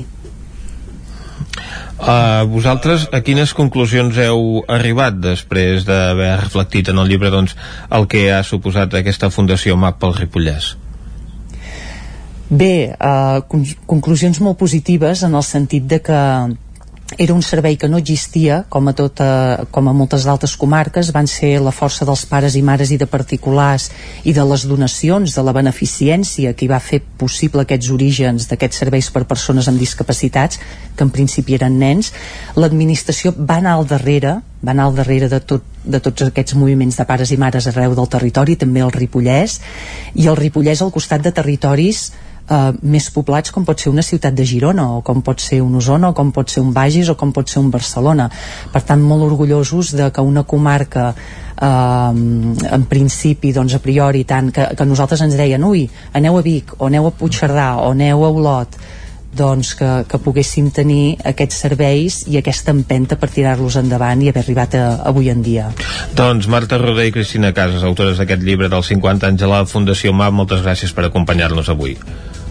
Moltes gràcies a vosaltres. Gràcies. Ara fem una pausa i tornem tot seguit. Per estar bé a casa, vine a Mobles Verdolet. Sofàs, sales d'estudi, dormitoris, menjadors i molt més. Mobles fets a mida. Mobles Verdolet. Ens trobareu al carrer Morgades 14 de Vic i al carrer 9 44 de Torelló i també a moblesverdolet.com. Mobles Verdolet us desitja bones festes. Només pensar en passar aquesta nit sense calefacció amb aquest fred? No es preocupi, hem analitzat a fons la caldera i de seguida quedarà reparada i en funcionament. Quan tingui un problema amb la seva caldera, vagi directament a la solució. Truqui sempre al servei tècnic oficial de Saunier Duval i despreocupis, perquè som fabricants i coneixem les nostres calderes peça a peça. Informis a Oficiat Nord trucant al 938860040. Saunier Duval, sempre al seu costat. Anuncia't al 9FM. La màquina de casa. 9 3 8 8 9 4 9 4 9. Publicitat arroba al 9FM.cat. Anuncia't al 9FM. La publicitat més eficaç. Òptica Visual Opti3. Regala qui estimis, visió, salut, protecció, prevenció i moda. Per tu, regala't una revisió visual completa. Visual Opti3, la teva òptica. Ens trobaràs a Facebook, Instagram, visualopti3.com i a la plaça Major 39 de Vic. Pastisseria Atzavara obre les portes amb la besneta de Joan Cors. La quarta generació seguirà elaborant les famoses tortades i pastissos tradicionals. Com que ens apassiona el que fem, modernitzem els clàssics i fem coses noves perquè disfruteu cada dia. I per aquestes festes tenim torrons, coca de Nadal, packs per regalar, tortell de reis i molt més. Ens trobaràs al carrer Major 58 de Tona i a Instagram. Atzavara us desitja bones festes i feliç any nou. La Fogonera, resistència gastronòmica. És un restaurant? És un rostidor? És La Fogonera, la cuina en directe des de GURB, on encarregues, ho vens a buscar i ara també t'ho portem a casa. La Fogonera, resistència gastronòmica. Ara, amb la fogonera de dia, amb aperitius, arrossos, segons plats i postres. I quan cau la nit, ens transformem en un popurri culinari. Búrguers, pizza, pasta... Truca al 93 851 55 75 o entra a lafogonera.cat. La Fogonera, el teu aliat gastronòmic. Farmàcia Vilaplana, productes de cosmètica de marca pròpia Lierac i Nux. Farmàcia Vilaplana, vine a veure els nostres packs de productes d'higiene i cosmètica per a aquestes festes. Regala salut i bellesa als que més estimes. Farmàcia Vilaplana. Ens trobaràs a la plaça Major 17 de Vic i també a Facebook i Instagram. El nou FM, el nou FM, el nou FM, el nou FM, el nou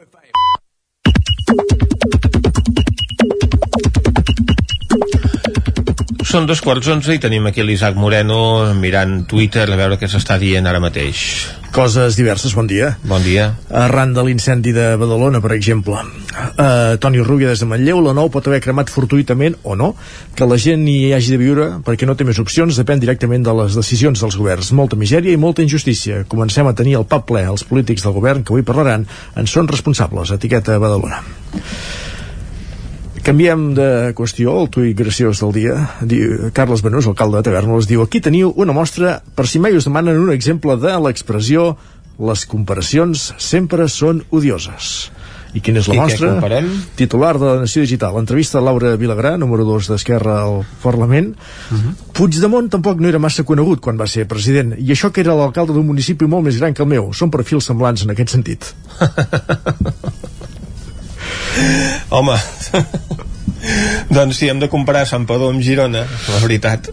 Sant Padó, a Sant Padó tenen un Guardiola, eh? A part que, sí, i es lleven ben d'hora, ben d'hora, ben d'hora. Però, és clar a aquella hora no sé si molta gent se'ls troba pel carrer. Iñaki Escudero. Uh, desde Vic, yo no me vacuno, reitero, debe haber un registro de vacunados y los que no estén, que se atengan a las consecuencias en cuanto a su futura atención sanitaria por COVID-19. Des de Vic també Xavi Font. Tornarem a veure l'adaptació de les tre... tornem a veure l'adaptació de les tres germanes de Chekhov al Teatre Lliure. Hem vingut tot el camí filosofant de la vida i posant cares i noms reals a cadascun dels personatges. I enamorats de l'Ivan Benet, gràcies amic, molt i molt recomanable. Veus, també es pot tornar a anar al teatre, eh? Doncs Fora del toc de queda i entre setmana.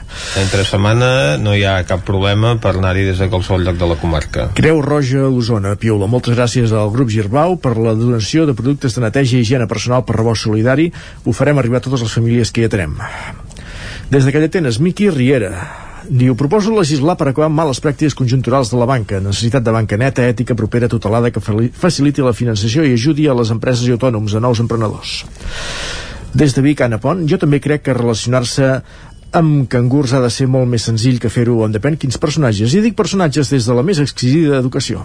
No sabem per què ho diu, però... I, I a quins cangurs es refereix? Però què t'he dit? Des de Sant Hipòlit de Voltregà, l'usuari Menxo Sani diu sí, res, doncs que aquesta setmana el Club ATV continua líder i que el Reus Deportiu ha anat a veure la Senyo per dir-li que el diumenge el Voltregà li va pintar la cara. Aquesta, aquesta victòria per 6-0 du- durarà dies la ressaca, eh? fa mal, sí, sí. Això de que el, el Vic continua líder és, és una cunyeta que es fan els de sac i ganxo que posen la classificació al revés de, ah. ell diga. no els hi convé, però, perquè el Voltregà ho està fent prou bé.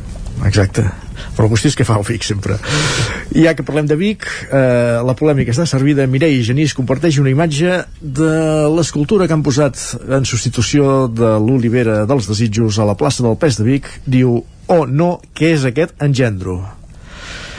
Li respon l'usuari a Rastapalo Esperpèntic. Li respon la regidora d'Esquerra a l'Ajuntament de Vic, Maria Balasc. L'han fet els artesans del carrer de la Riera. I la Genís que respon Ai, Mary, doncs no els puc felicitar, per mi és lleig de nassos. I la Balasca respon, l'art això no agrada a tothom, Diu, mira, si fos una veïna baixaria a estendre-hi la bugada. Trobo que fa un encicí, un encicí ideal.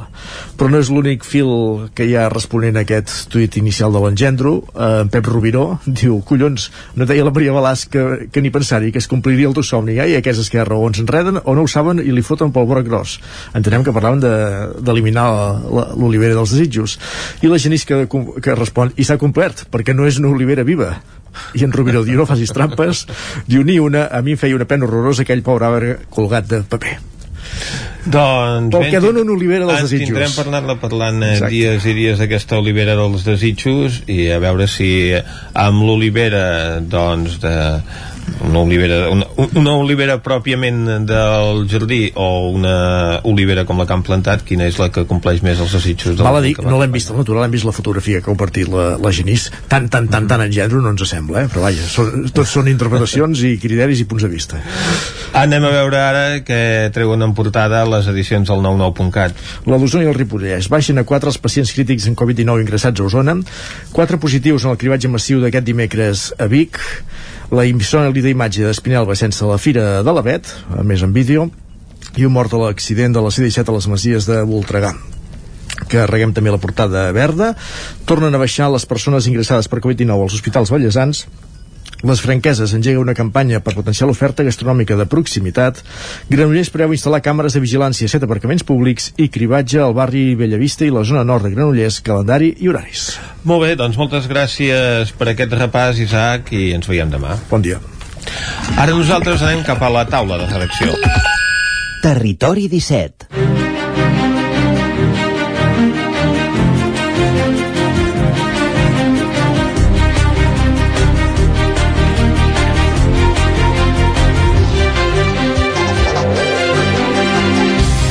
Avui a la taula de redacció amb en Guillem Rico i en Miquel R.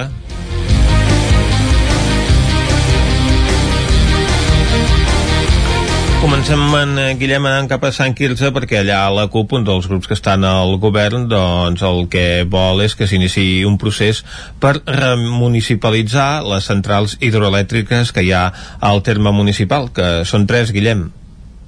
Hola, bon dia. Bon dia. Doncs en parlàvem el, el el juny crec que era que van aprovar una moció en aquest sentit a, a l'Ajuntament per unanimitat per treballar per recuperar aquestes hidroelèctriques que com deies són tres uh, una uh, que és la primera que volen intentar recuperar és la de Can Trinset uh -huh. uh, que queda molt a tocar de, del nucli urbà um, perquè la, les, en principi la concessió que té l'empresa que l'està explotant ara acabaria el 2024 uh -huh. per tant seria la, una de les primeres o la primera de Catalunya que es podria fer aquest procés.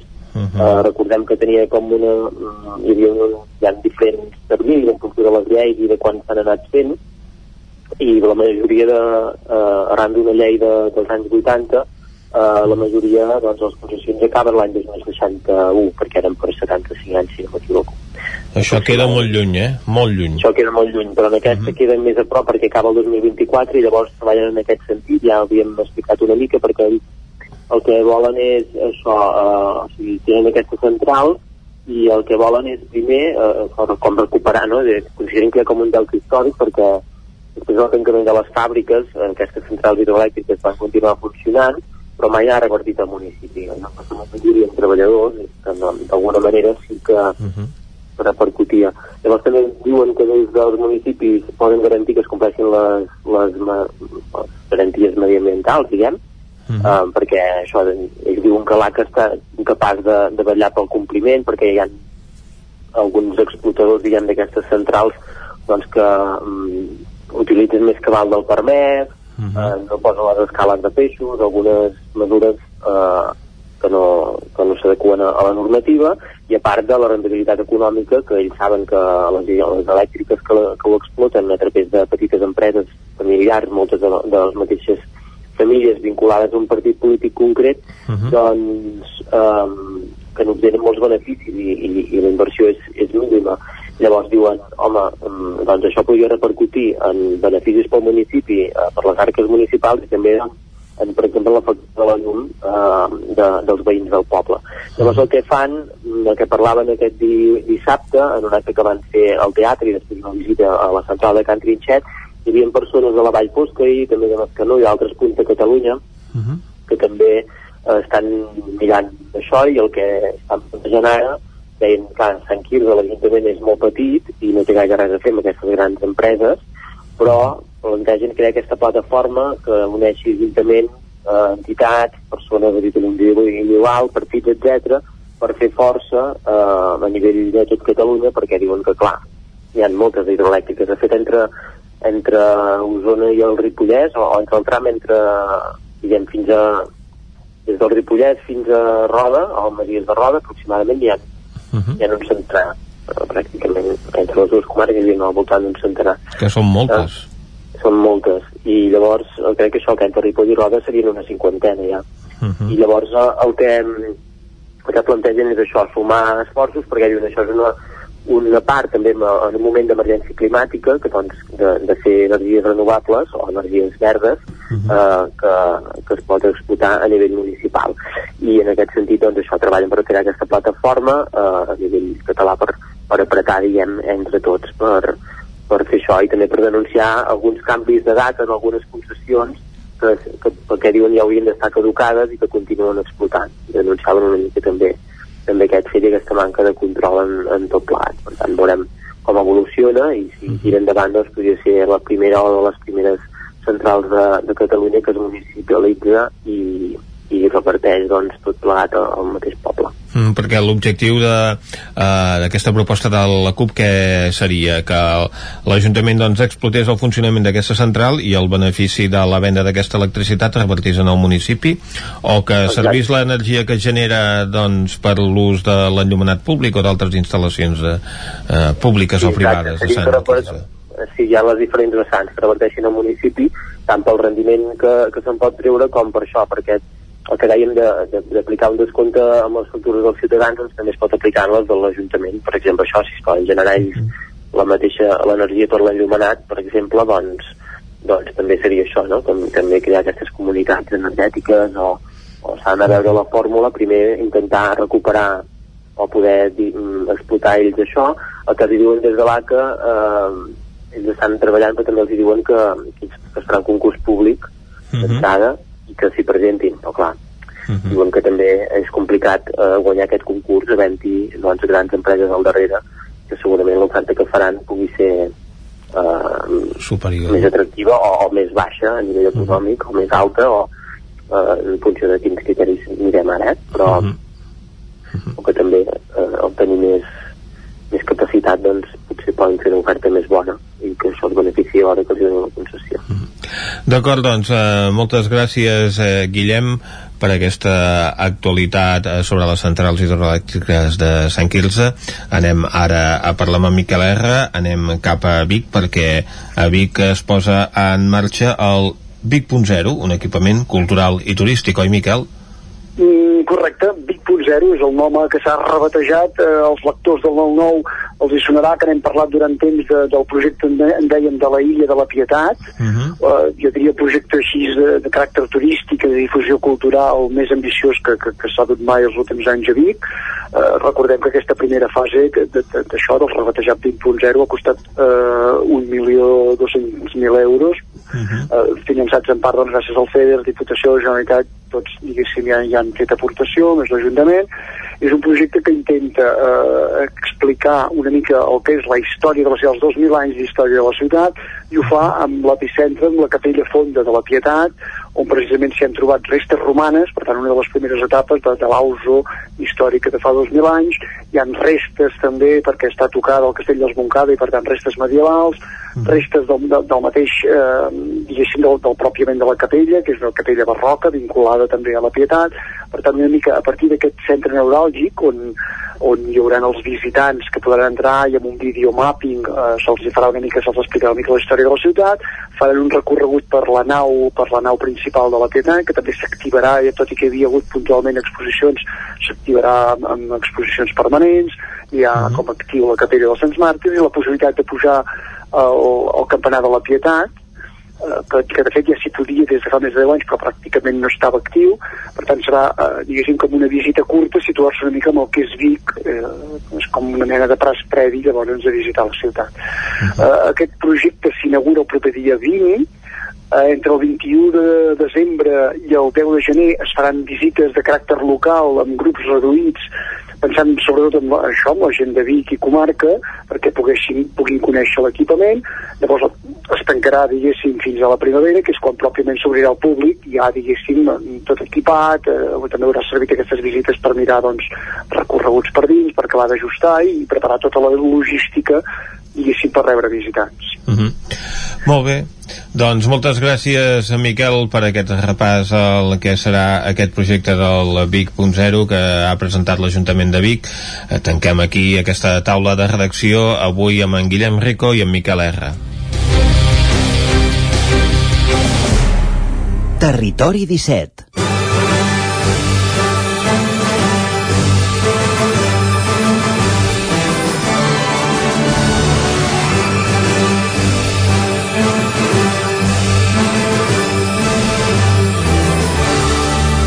doncs dic que tanquem la taula de redacció i quan falta mig minutet per tres quarts d'onze ens n'anem cap al cinema, oi? I tant. A més ara s'hi pot anar, eh? Recordem Sí, que sí. amb aforament limitat, etc. però bé, en cas que en tinguis al teu municipi el cap de setmana. Avui sí que hi pot anar una mica tothom, Mhm. Però a partir de demà jo no puc anar al cine. no en tenim a Vilaseca de cine.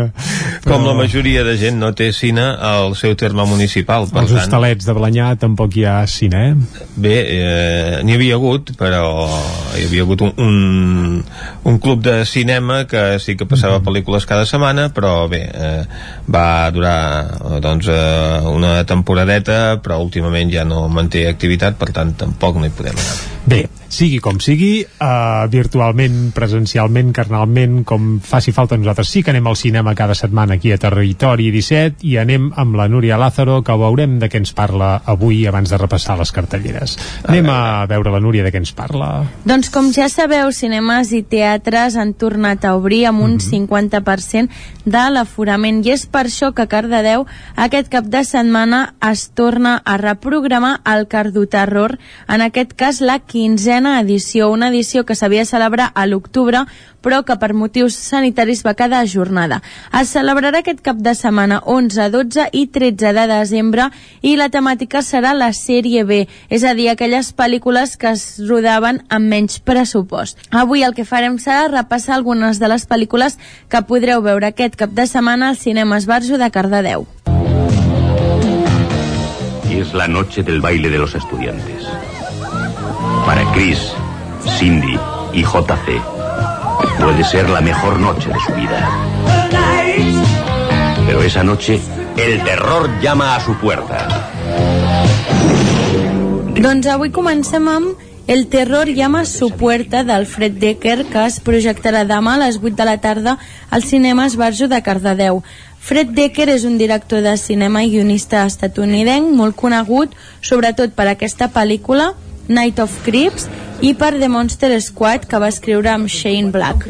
També és conegut per haver escrit la tercera temporada de Robocop. La pel·lícula amb la que li reten homenatge és de les seves més conegudes, és una pel·lícula de 1986, El terror llama a su puerta, o la versió original que seria Night of the Creeps, que alterna la ciència-ficció, la comèdia i el terror, però en aquest cas és un terror d'extraterrestres.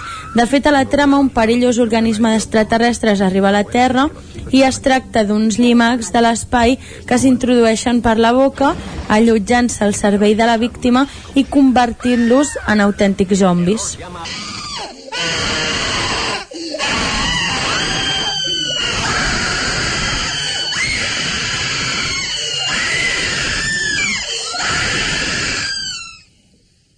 Dissabte el cardoterror comença amb The Thingler, del 1959 del William Castle, que és un actor, director i productor de cinema nord-americà que va morir al 1977 i que va fer pel·lícules com La dama de Shanghai d'Orson Welles o Project X, que és una de les seves últimes pel·lícules. A The Tingler, del 1959, ens trobem amb el Vincent Price, que és un metge que descobreix que el cos humà, quan percep una forta impressió, és capaç de crear una criatura que s'extén al llarg de la seva columna vertebral. La seva pitjor ocurrència serà per atendre extreure-la del cos.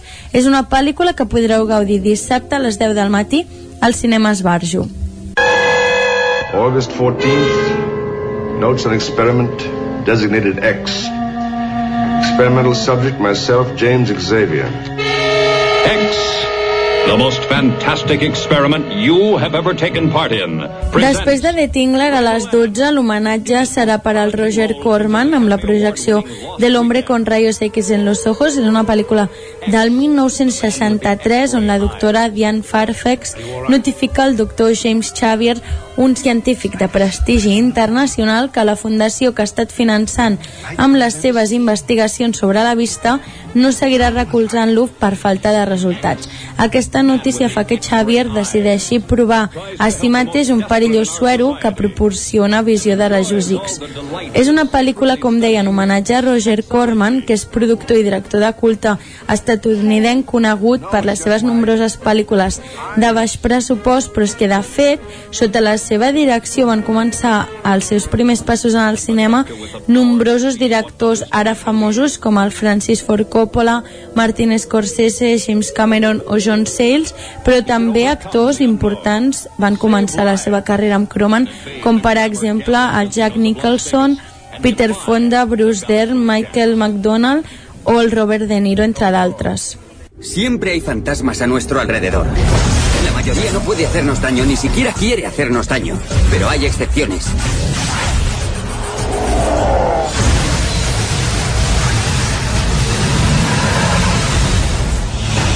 Per la tarda, a les 3 de la tarda, l'homenatge va per Der Castle, que en aquest cas no és una persona, sinó que és una productora fundada per Joel Silver, Robert Zemeckis i Gilbert Alder. És una productora que ret homenatge a William Castle, que és un cineasta de terror de la dècada dels 50 i dels 60. El Cardoterror li ret homenatge amb 13 fantasmes, una pel·lícula de 1960, però a l'Esbarjo el que es projectarà és el remake de 2001.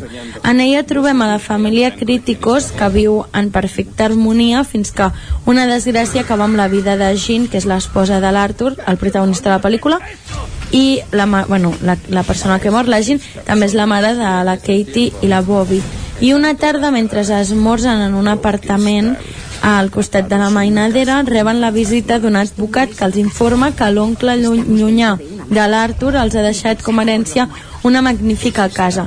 La família visita l'habitatge i en trobar-la tan sofisticada i ultramoderna decideixen fer-ne una passejada per l'interior. I fins aquí no us explicaré més sobre la pel·lícula, ja us podeu imaginar amb el títol 13 fantasmes, de què va i si no, la podeu anar a veure a l'Esbarjo dissabte a les 3 de la tarda. If you think you're not afraid of the dark, if you think you have a strong stomach, if you feel nothing can shock you, if you say you don't scare easily, if you believe you've seen everything, then prepare yourself for... Per diumenge a les 10 toca l'homenatge a David Cronenberg amb Vinieron de Dentro de, que és una pel·lícula de zombis que passa a la torre Starline on un científic crea per mitjà d'unes modificacions genètiques una espècie de llimacs. Aquesta pel·li es projectarà en homenatge a, de, a David Cronenberg, director de cinema canadenc i actor en algunes ocasions, i és un dels principals iniciadors del que es coneix com a body horror o horror corporal, que és un estil per fer pel·lícules que explora les pors de la gent per la transformació i la infecció corporals. Ghosts. Hello, Ghostbusters. They're real. You do? They're mean. You have? They're here.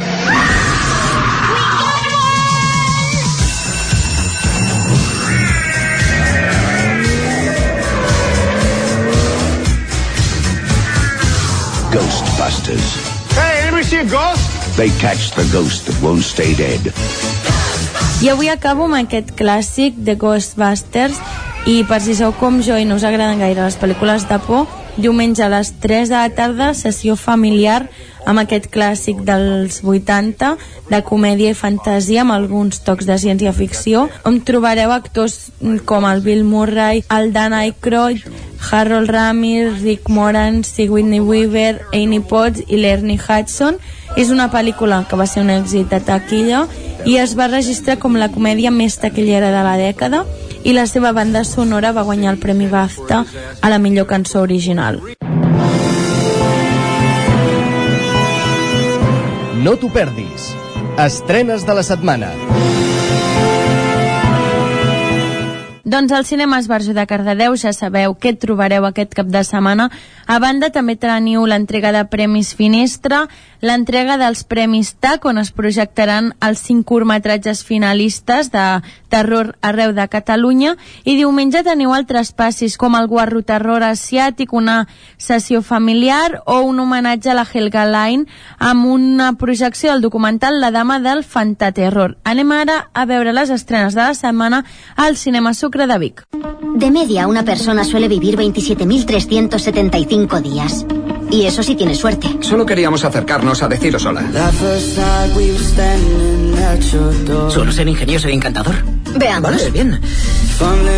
No consigo. Eso es peor, Qué es no puedo. peor. Vale, vale. Para, ¿qué no, déjalo, para allá. Una idea horrible para una cita. ¿Esto es una cita? No. Doncs al cinema Sucre de Vic comencem amb Per a tota la vida, un drama del Mark Meyers amb la Jessica Rote o el Harry Som com a protagonistes. El Jen Carter i la Sol Shaw estan enamorats, tenen tota la vida per endavant i pensen casar-se din dintre d'uns mesos, però al desembre a la Sol li diagnostiquen un càncer terminal que canvia les seves vides i els seus plans, fent impossible que, que el casament es pugui realitzar a l'estiu. En una carrera contrarrellotge, els amics i la família de la parella organitzen un verkami a internet per recaptar fons i aconseguir que tinguin el casament estimat en només dues setmanes. Aquest gest fa que hi hagi una onada de generositat i preocupació entre un gran nombre de persones que decideixen celebrar amb ells el poder de l'amor. Mentrestant, la relació del Gen i la Sol es fa encara més profunda, recordant que la força de l'amor verdader no té límits. És una pel·lícula que s'estrenarà aquest divendres 11 de desembre al Cinema Sucre de Vic. Recordo com se'm va encongir el cor el primer dia que vam arribar a Colònia. Em mancava l'aire, talment com si els pulmons haguessin quedat inundats de la pluja que ens havia torbat pel camí que ens feia deixar el nostre mas. Feia olor de moll. I a mida que ens acostàvem a la fàbrica, el soroll m'impedia sentir la frase que el pare ens havia repetit tantes vegades els últims temps. Tot això ho faig només per vosaltres.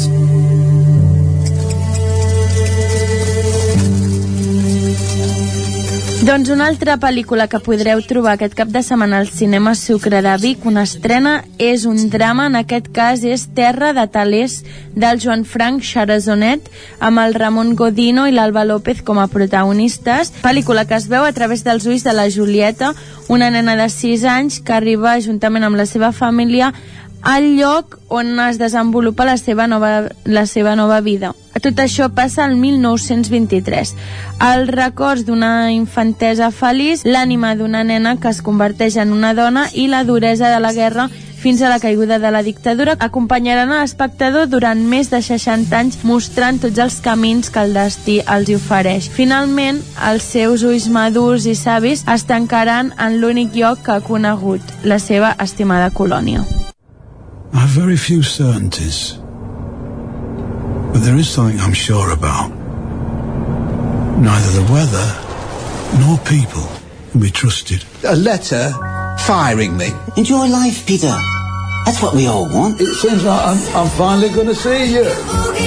How much is that, please? Hundred. Hundred. Se ha pasado tres pueblos.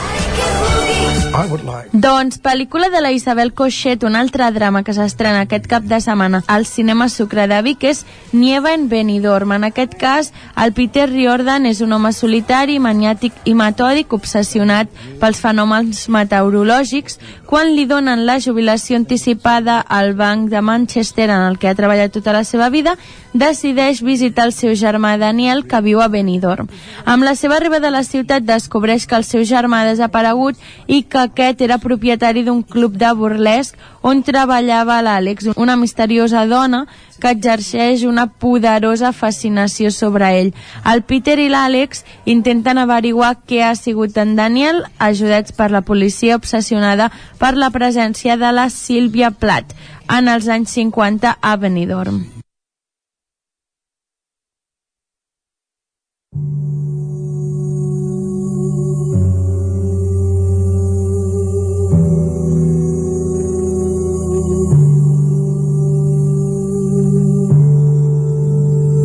Recordo com se'm va encongir el cor el primer dia que vam arribar a Colònia.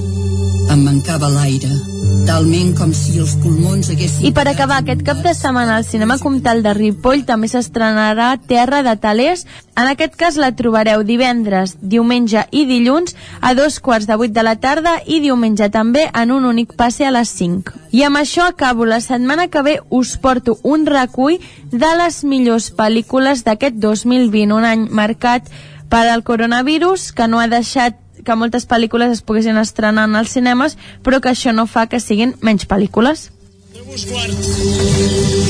La família Sorribas, imagino.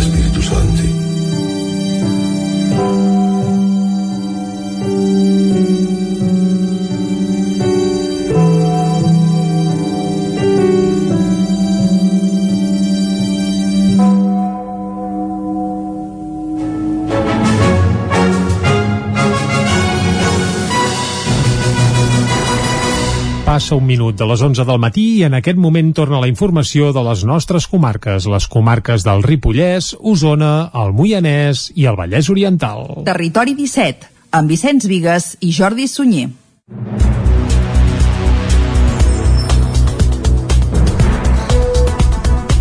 Tot i que en plena pandèmia de Covid-19 està augmentant la vacunació contra la grip per part de les persones dels col·lectius de risc, hi ha preocupació pels casos en què un mateix pacient que no s'hagi protegit pugui contraure els dos virus.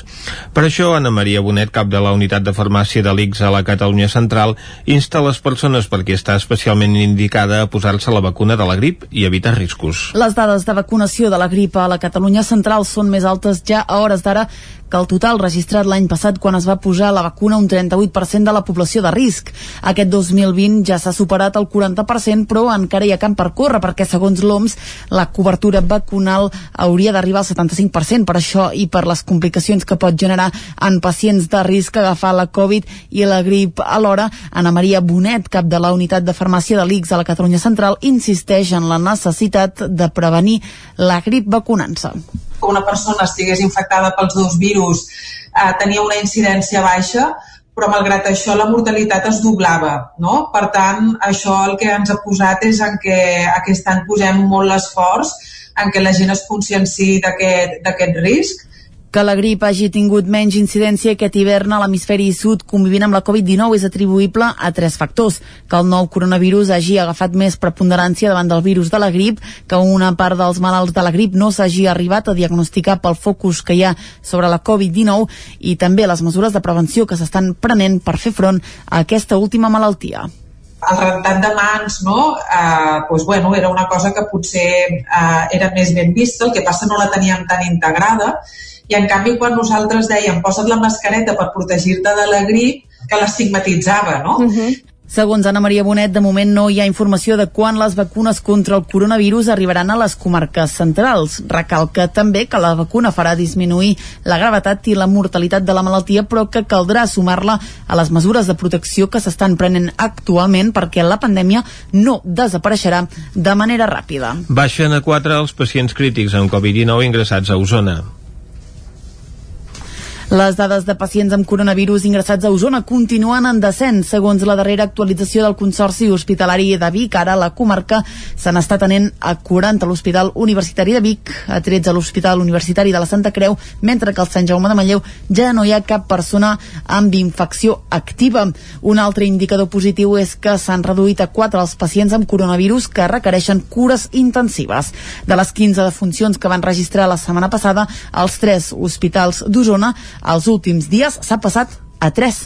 Afluència moderada de visitants al Parc Natural del Montseny el primer dia de pont sense confinament municipal, amb previsió de restringir pas a vehicles si hagués sigut necessari. David Auladell, de Ràdio Televisió, Cardedeu tot i que es preveia que seria una jornada de gran afluència pel fet de ser el primer dia dels quatre sense confinament municipal, finalment no es van complir els pronòstics. El temps ennuvolat, la proximitat de Nadal i la prevalença de fer compres, afegit al fet que nombrosos treballadors van descartar fer festa, són alguns motius que van frenar la presència de gent al Montseny. En aquest cas es van modificar alguns punts de control per facilitar els accessos als restaurants de la zona, ja que l'altra vegada els negocis estaven tancats en el marc de les restriccions de la Covid-19. En concret, es van desplaçar els punts per accedir a Santa Fe del Montseny passat al nucli de Campins. Tot i els ajustos, però no va ser necessari fer girar cua a cap conductor perquè no es van omplir les prop de 1.200 places que hi ha entre tots els aparcaments. Els guardes forestals, informadors del parc i els Mossos d'Esquadra es van desplegar a la zona, però només a mode preventiu. L'Ajuntament de Sant Quirze de Besora vol crear una plataforma per recuperar la gestió de les tres centrals hidroelèctriques que hi ha al municipi. Aquest cap de setmana passat, el grup Som Poble CUP, que forma part del govern, va fer un acte informatiu i reivindicatiu que va transcorrer entre el teatre i la central de Can Trinxet. Sant Quirze impulsa una plataforma per municipalitzar les centrals hidroelèctriques. L'objectiu és que els seus beneficis reverteixin al poble. El grup de Som Poble CUP, que governa l'Ajuntament amb Esquerra Republicana, ho va plantejar així a una seixantena de veïns i veïnes en un acte al Teatre al Centre aquest dissabte. Després es van traslladar a Can Trinxet, una de les centrals on van penjar una pancarta amb el lema el 2024 recuperem Can Trinxet. Natàlia Sánchez és diputada de la CUP al Parlament de Catalunya. És una lluita que des de la CUP entenem que és nacional, que és una prioritat nacional. Primer, pel context d'emergència climàtica en el que vivim, en què és imprescindible treballar cap a la sobirania energètica, i segon, perquè és injustificable que hi hagi grans empreses com Endesa, Naturgy o altres empreses privades que s'estiguin beneficiant de forma fraudulenta d'un bé comú com és l'aigua Un dels propers passos que planteja el grup de Son Poble CUP de Sant Quirze per avançar en aquest objectiu és crear aliances amb altres municipis que hi estiguin interessats. Arnau Bosch és el regidor de Medi Ambient de l'Ajuntament de Sant Quirze ens enfrontarem a gent molt poderosa, a entitats molt grans, per tant, com a municipi, poca cosa hi tenim a fer. Per tant, hem de teixir aliances, eh, crear vincles amb altres municipis que estiguin interessats i estem treballant la creació d'una plataforma que serveixi perquè els ajuntaments d'arreu del país, entitats, eh, persones, partits polítics que estiguin interessats puguin sumar-se a la causa i d'aquesta manera fer força i apretar més. L'Ajuntament de Sant Quirze va aprovar una moció per municipalitzar les tres centrals. La concessió privada de la de Can Trinxet acaba el 2024. Les de Can Guixà i les Illes caduquen el 2061. Des de Son Poble CUP consideren que cal denunciar-ne totes les irregularitats per poder accelerar la reversió. Aquest any no hi haurà pessebre vivent a Sant Joan de les Abadeses, però sí concurs de pessebres. Isaac Muntades, és de la veu de Sant Joan. Aquest any no es farà el tradicional pessebre vivent de l'Associació de Famílies d'Alumnes de l'Institut Escola Mestre Andreu, tot i que la seva presidenta, Fer Martínez, va explicar que la comissió del pessebre vivent està estudiant alguna alternativa que reculli fotos d'aquest esdeveniment nadalenc. En canvi, un any més sí que es farà el concurs de pessebres. Hi havia temps per inscriure-s'hi fins al passat dia 6 de desembre i es podrà lliurar el pessebre fins al pròxim diumenge 13 de desembre a l'oficina de turisme. Martínez va detallar en què consistia l'activitat. La intenció és un altre cop engegar el concurs per passar entre, en família una bona estona setmana. Es tracta d'un un pessebre o un arbre de Nadal en família. Aquest any també com a novetat hem fet una mica per categories perquè es valora molt l'aportació no? i la, la implicació dels infants. Per això hi ha categoria d'infantil, de primària, de secundària. No? I però també serveix per desconnectar de la situació i del moment que estem vivint ara. Com que a més a més volem que això eh, ho vegi també tot el poble, hem proposat aquest any de posar-lo, en compte de posar-lo al Palau, posar-lo a la botiga del poble. També ha aconseguit la implicació de les botigues, de l'Ajuntament, el recolzament, les botigues estan, bueno, la Unió de Botigues estan encantats. Doncs, bueno, una mica de dir, vale, guarnim el poble entre tots per fer-nos el Nadal una mica més amè, més alegre. També es farà una entrega de premis i una mica de festa en funció del que permetin les restriccions de la pandèmia en aquell moment en un dia encara per determinar. A banda, també s'ha proposat a les famílies que passin fotos de quan els pares eren petits i en què se'ls vegi celebrant el Nadal o una altra celebració especial. Mollà reinaugura el, el mural de l'1 d'octubre inspirat en el Guernica pintant-lo directament sobre la paret. L'anterior mural, imprès en una lona gegant, va ser robat dies després de la seva posada en escena. Caral Campàs, des d'Ona Codinenca.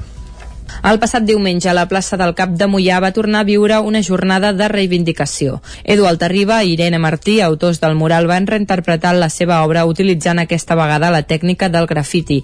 Ho van fer sobre la paret on s'havia instal·lat anteriorment una lona amb la mateixa imatge. Aquesta s'havia inaugurat el passat 1 d'octubre, coincidint amb el tercer aniversari del referèndum i com un encàrrec que l'ANC de Mollà havia fet els dos artistes. L'obra simula el Guernica de Picasso, però substituint alguns elements per la brutalitat i l'horror policial que es va viure l'1 d'octubre. La lona de grans dimensions va ser arrencada de matinada cinc dies després de ser inaugurada. L'endemà, la Unió de Brigades Espanyolista va penjar un vídeo a les seves xarxes socials atribuint-se l'acció vandàlica. Ara, dos mesos després, més de 100 persones es van aplegar a la plaça per veure com Eduard Arriba i Irene Martí donaven els últims retocs a la peça artística. L'acte es va acabar amb una actuació musical i els parlaments de Pere Antúnez, coordinador de l'ANC de Mollà i Dionís Guiteres, alcalde de la capital del Moianès. I fins aquí el butlletí informatiu de les 11 del matí que us hem ofert, com sempre, amb Vicenç Vigues, Clàudia Dinarès, David Auladell, Caral Campàs i Isaac Muntades. Ara el que toca és fer una última ullada a la situació meteorològica.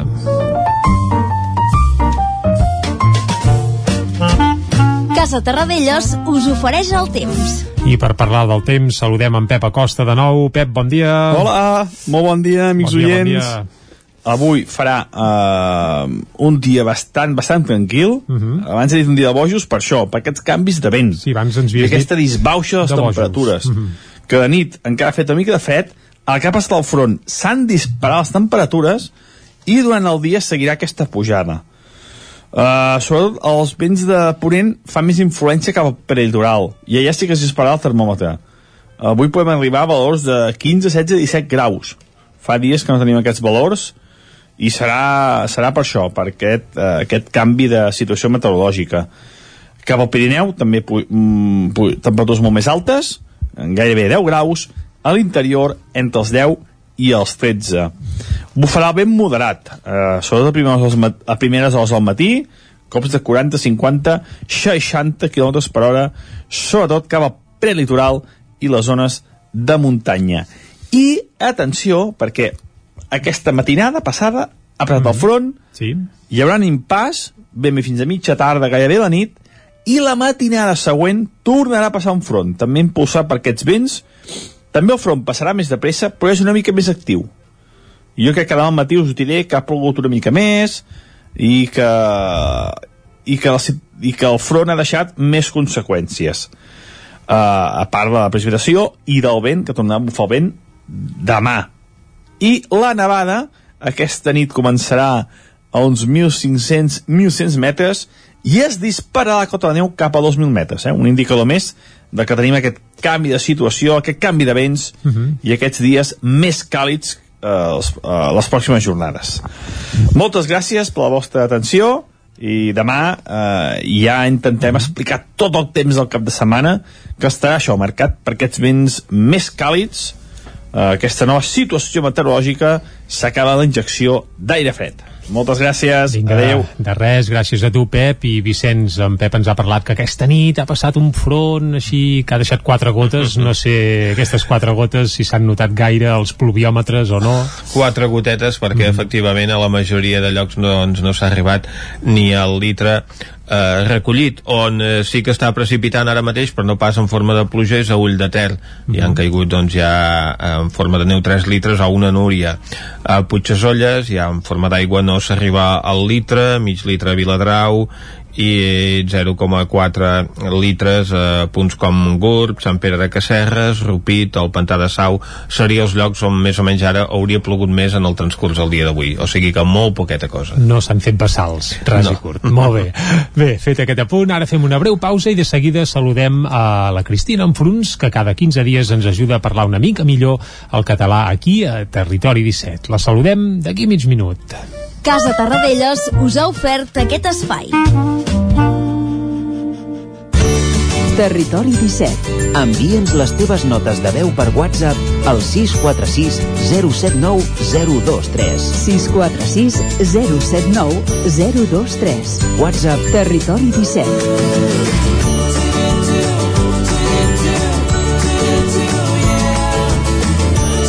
Territori 17. Som a Facebook, Twitter i Instagram amb l'usuari Territori 17.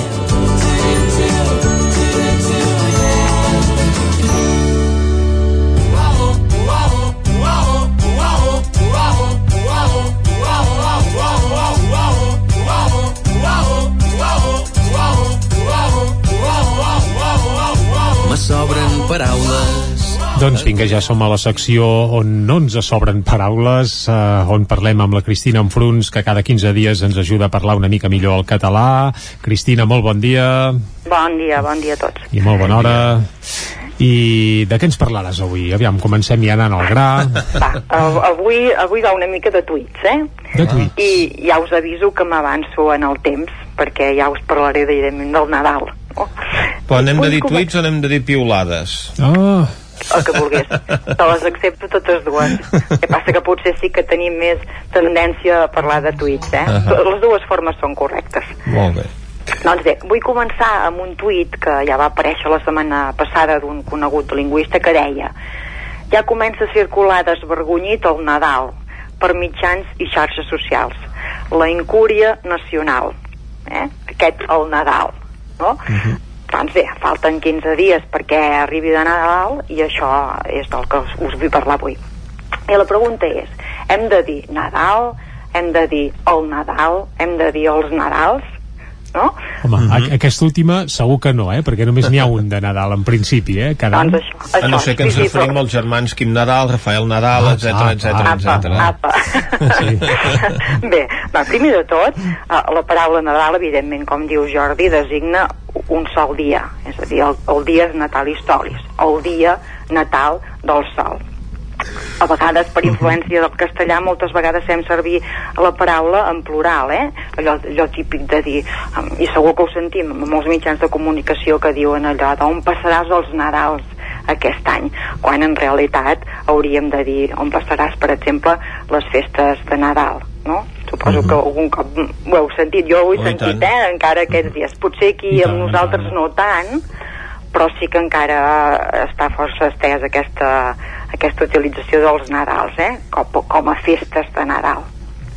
Evidentment, perquè s'encomana, eh, intuïm, de, del Les castellà. Navidades, on, exacte. eh, exacte, ells tenen Navidades, eh? Ah, O- exacte. sí. Tenen Doncs més de nosaltres- tot, sí, sí. Nosaltres O només de, hem... o de l'anglès, de l'anglès, no sé si Christmas seria també, També plural, eh? ser, sí, també, en part, sí. Perquè ens hem d'enganyar, també pot venir de, del món anglosaxó, això. Pensem això, doncs, potser.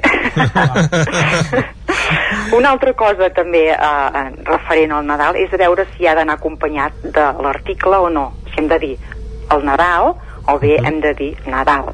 Aclareix-nos-ho, va. Doncs bé, pensem que només és obligatori que li posem si determinem quin Nadal, per exemple, si diem el Nadal del mil- 2006 va passar tal cosa, no? Doncs llavors sí que haurem de fer servir l'article, l'acompanyar-li, però si no, eh, sempre hem de fer servir el Nadal sense l'article, no? Eh, eh, arriba Nadal, no arriba el Nadal, eh? Aquest seria eh, el cas, no? Més coses. També coses, eh, comença, a veure, el Nadal, sabem que comença el dia 24. En castellà és la Nochebuena. I, evidentment, nosaltres no n'hem de dir la nit bona, Si no, la Si nit de Nadal, no? la nit de Nadal, evidentment. Són temes que ja ens han anat eh, eh, dient moltes vegades, eh? però tot i així encara no, no, moltes, va bé, va bé de i- i- repassar-ho i recordar-ho perquè mai n'hi ha prou d'aquestes Exacte, coses. i continuem caient. Eh, I, evidentment, a l'hora de felicitar, sabem que eh, Feliç Nadal no és genuí i n'hem de dir Bon Nadal o Bones Festes. Eh? Una altra cosa que també... eh, Bé, em sembla que aquest tema del Nadal queda prou clar.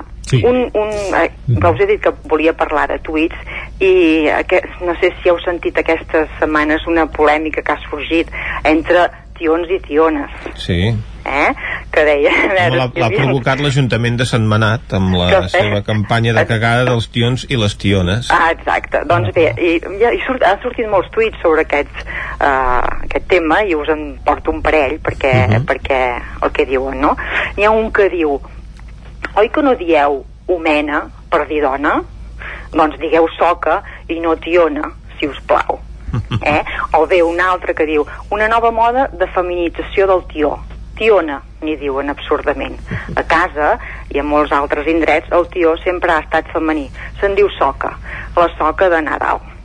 Perquè veieu aquí doncs, que si voleu dir-ne tió o soca. Hi ha pobles, no? Hi ha, hi ha pobles a Lleida que celebren aquesta festa de la soca de Nadal. Exacte, doncs, um, per no fer servir aquest tiona, doncs podem fer servir la soca de Nadal i també queda molt maco. En tot cas, eh, ens menjarem els torrons o, o les torrones, no? O les neules o els neulos. No sé com ho hem de fer, tot això. D'aquest- d'aquest torró- De torrons i torrones també també hi havia algun tuit aquí també per, per, doncs, fent, fent aquest joc En canvi, entre- si parlem del cava o la cava, serien coses diferents. exacte, seria diferent a la història Ah, és que... L'important en el tema del cava és que s'acabi, perdó el, el d'allò, eh? però quan arriba Nadal aprofitar i que baixi, que baixi. Però bé, això seria un altre tema. Cristina, què et sembla si anem cap a la cançó o encara fem algun apunt nadalenc? Anem a la cançó? bé, ja, sí, jo crec que sí, eh? Però em sembla que us ha quedat prou clar tota la història. Hi ha més coses, eh? Ja tenim el doncs. cagatió, que també és molt, molt freqüent que, que el sentim, eh? Allò de arriba el cagatió, i aquest, evidentment, el, no en català és el tió, és el, uh, la festa del tió, i ha de cagar el tió, i no fem cagatió, eh? Que és, també uh, és una expressió que és força freqüent que també hauríem d'evitar. Hi ha molts temes així sobre Bueno, el llenguatge de apuntem Nadal. també un de molt recurrent que és la nit de cap d'any, és la nit de cap d'any, no la nit, no, com es diu? Com ni La- diu, no? la nit La nit vella. vella. La nit vella, això, mare meva, això és terrible, eh? Sí, sí. també també seria un altre tema i també hi ha molts, molt, molt vocabulari eh, reis, tot això que també si, hi ha, si tinc alguna altra ocasió també us en parlaré Home, el dia, el dia 23 et posem deures perquè Posem- puguem parlar de de tots aquests d'any i de termes reis i de raïms i de tot això que també hi ha força, força per, per parlar. Ah, això doncs mateix. això ho farem a les portes de Nadal, sense article i singular. I ara escoltem el mite de Prometeu dels Amics de les Arts. Uh, aquí hi haurà algun parany, aviam si el descobrim. Anem-hi. que creuis el carrer a càmera lenta i et digui el vent que un dels dos ho havia de fer que notis un pas lleuger. Que captis tots els detalls les coses petites d'un dia clar que una màgia magnetitzant s'instal·li al teu voltant. Que trobis una feina de lo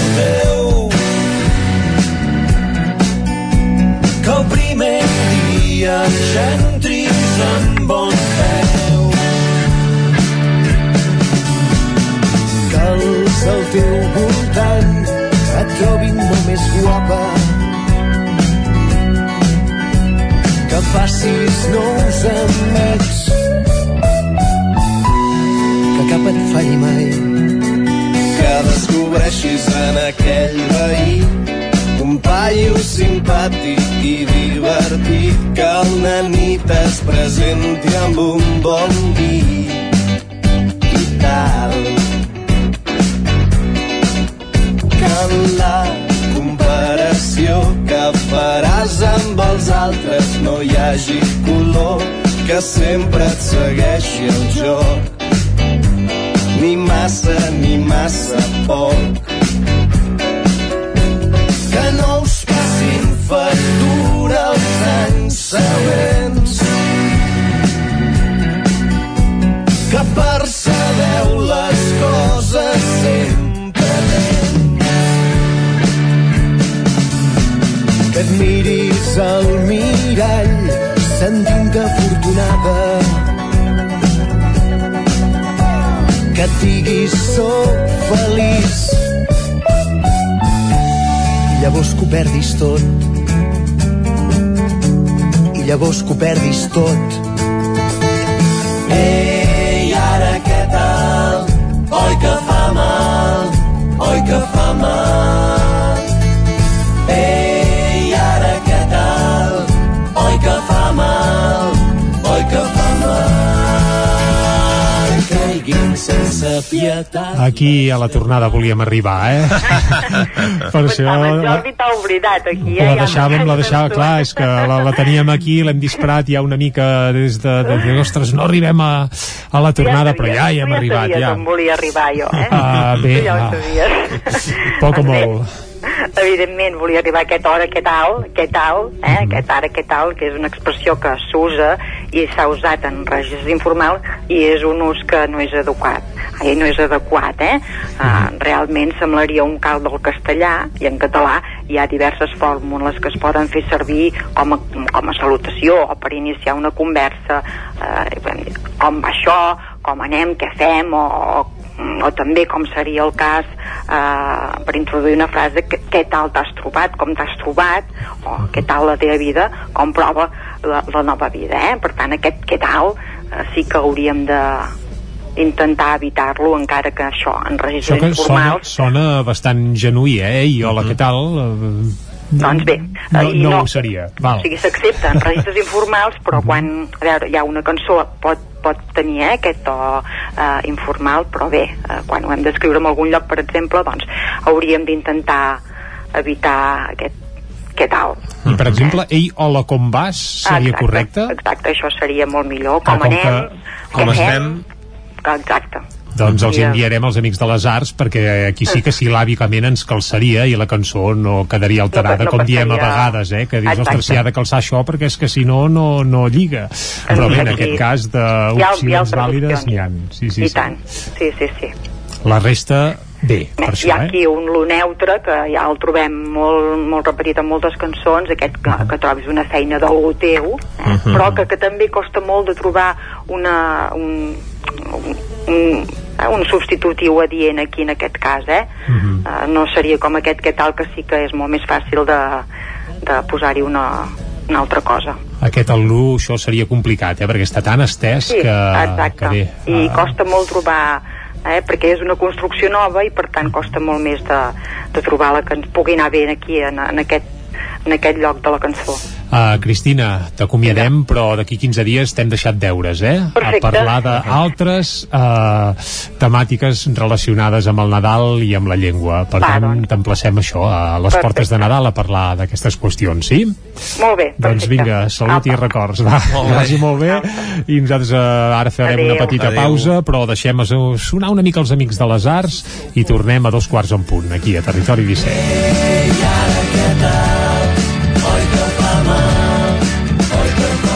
Territori 17. El nou FM, la ràdio de casa, al 92.8.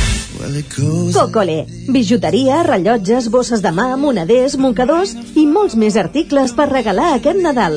Passeja per la nostra botiga i trobaràs marques com P de Paola, Olivia Barton, Mishki i les Georgets, entre moltes altres. Vine a Cocole, t'encantarà. Som al carrer Sant Vicenç de Vic. Telèfon 93 886 0267. Cocole us desitja unes bones festes. Tens 20.000 motius per comprar centelles i és que aquest Nadal repartim 20.000 euros en vals i premis. Només has de demanar la targeta de participació a qualsevol establiment comercial i de serveis de centelles i segellar quatre establiments diferents.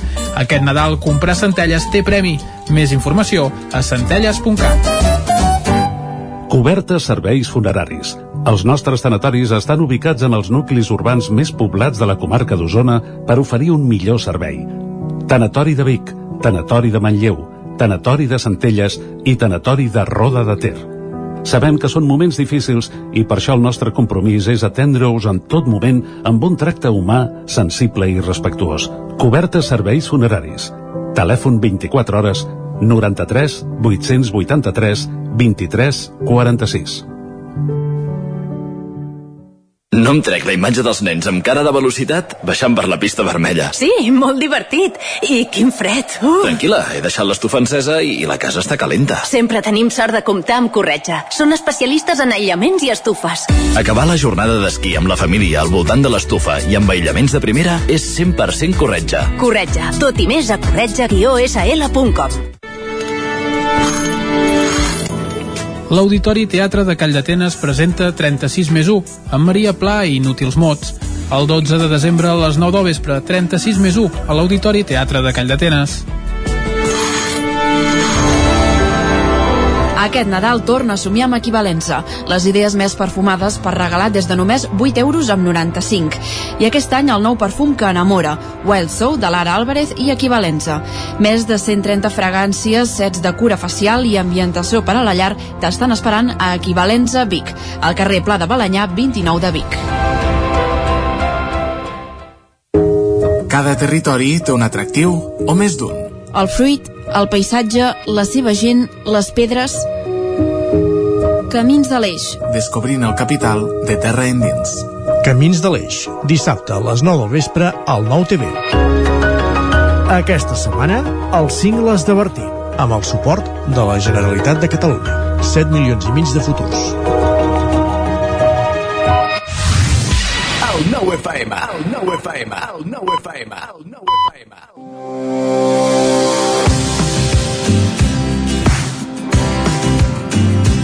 Doncs avui comencem una nova comarca. Sí, ja sabem que no és dilluns, però els dijous també són bons, no? Doncs com us hem dit, comencem nova comarca i ens endinsem a conèixer el Vallès Oriental.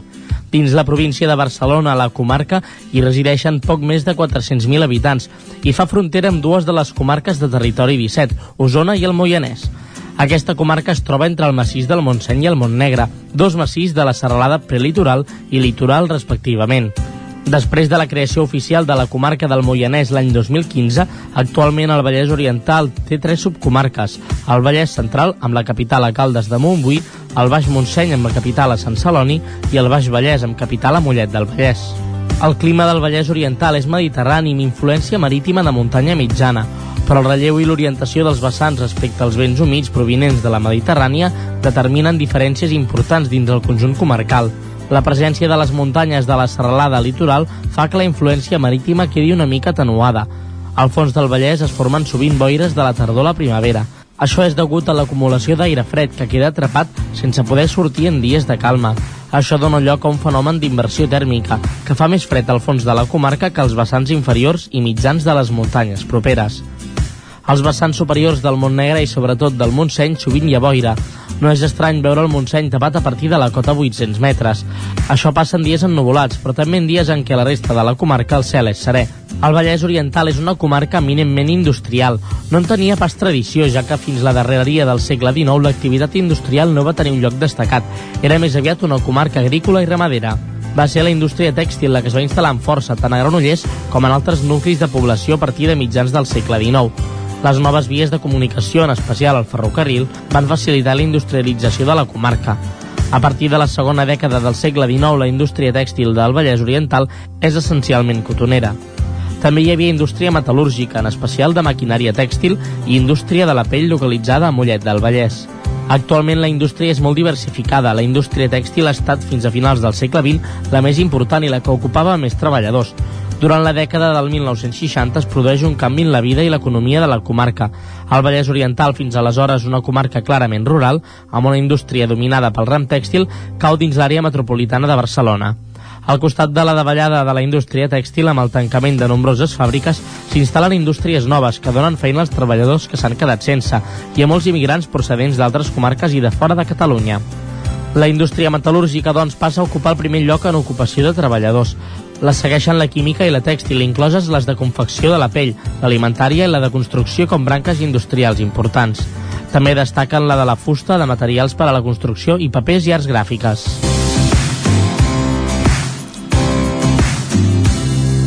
Territori 17 doncs avui que el Descobrint Catalunya hem encetat el Vallès Oriental, molts atractius també el Vallès Oriental, Oh, i que el tenim aquí a la cantonada i molta gent ens escolta des del Vallès Oriental, per tant... Com el Vallès no hi ha res. Com el Vallès, correcte. I mai tan ben dit, ja ho deia Pere Quart.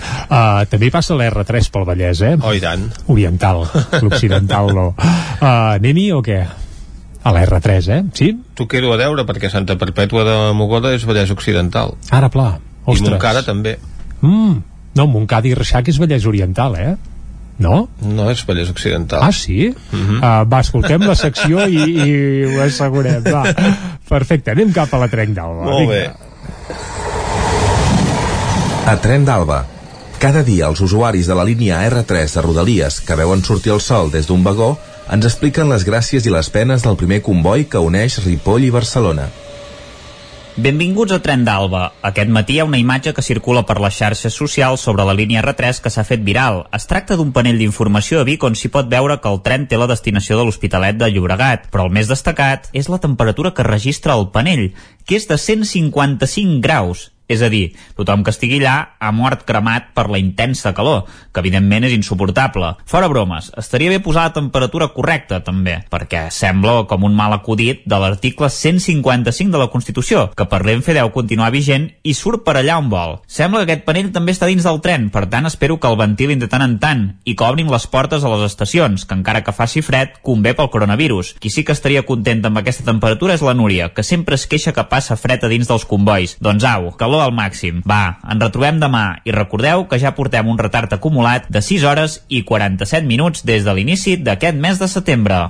Territori 17 Que és dolent l'Isaac, eh? Desitjar-li a la Núria que per no passar calor dins el tren Vaja. estigui a 155 graus és una bestiesa, eh? De, tot, de tota manera, jo diria que això eh, correspon a la temperatura exterior no la de l'interior del tren, sinó a l'exterior Bé, m'imagino. home, encara no, que sigui de a l'exterior sí que, no, tam regula. tampoc acaba de lligar eh? és a dir, seria bastant curiós que s'arribés a 155 graus a algun racó dels països catalans però vaja, no això ens ho aclarirà demà en Pep Acosta. Va, en tot de cas tota li- manera també s'ha de dir que si eh, la gent de la Renfe no estan acostumats a mirar bé el rellotge, com serà que es mirin bé el termòmetre també? Això també, això també. Uh, bé, fets aquests apunts ferroviaris i de temperatures, què et sembla, Vicenç, si anem cap al racó de pensar? anem cap al racó de pensar Doncs anem-hi. El racó de pensar, a Territori 17.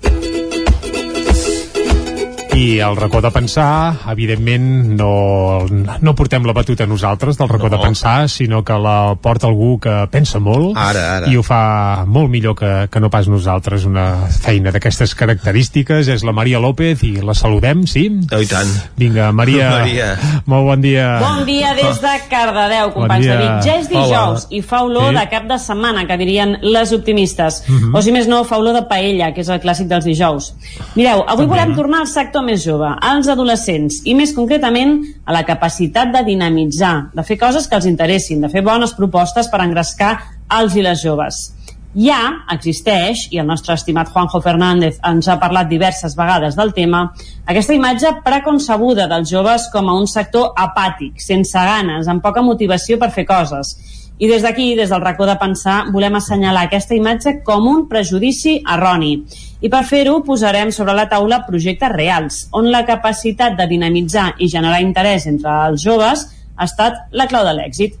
Aconseguir l'atenció i l'interès dels i les joves és tot un repte per professors, educadors i mitjans de comunicació. No és fàcil fer-ho i quan ho intentem, moltes vegades entrem en un rol patètic de voler ser moderns o accessibles, de voler ser guais, pensant que així captarem la seva atenció. Però, amics i amigues, no és tan fàcil. A Cardedeu, el sector més jove compta amb el Casal de Joves La Paqui, un centre social dinamitzat per l'Amat Molero i que tira endavant diversos project projectes d'èxit i amb molt seguiment. D'entre tots els projectes, aquest any han decidit centrar molts esforços en el tema musical i l'èxit ha estat bastant rotund. D'una banda, i juntament a Televisió de Cardedeu, han tirat endavant el talent show Operació Paqui. Podríem dir que es tracta d'una versió per joves del famós concurs Operació Triunfo. Però paral·lelament també estan posant en marxa la Paqui Records, un estudi de gravació que permet als i les joves gravar els seus propis temes en molt bona qualitat. Així que per parlar de tot això, d'aquest projecte i de quina és la clau de l'èxit entre el públic adolescent, avui ens acompanya l'Amat Molero, dinamitzador del casal de joves La Paqui. Bon dia, Amat. Bon dia. Bon dia. Ens acompanya també l'Ula, que és el tècnic que porta la Paqui Records. Bon dia, Ula. Bon dia. Bon dia. I ens acompanya també en Jan Gelabert, que és el presentador de xarxes socials oficials d'Operació Paqui. Bon dia, Jan. Bon dia, Maria. Doncs començarem, si us sembla, amb la pregunta que totes les mares i pares desesperades de Cardedeu ens fem. Amat, com coi tu fas perquè t'escoltin?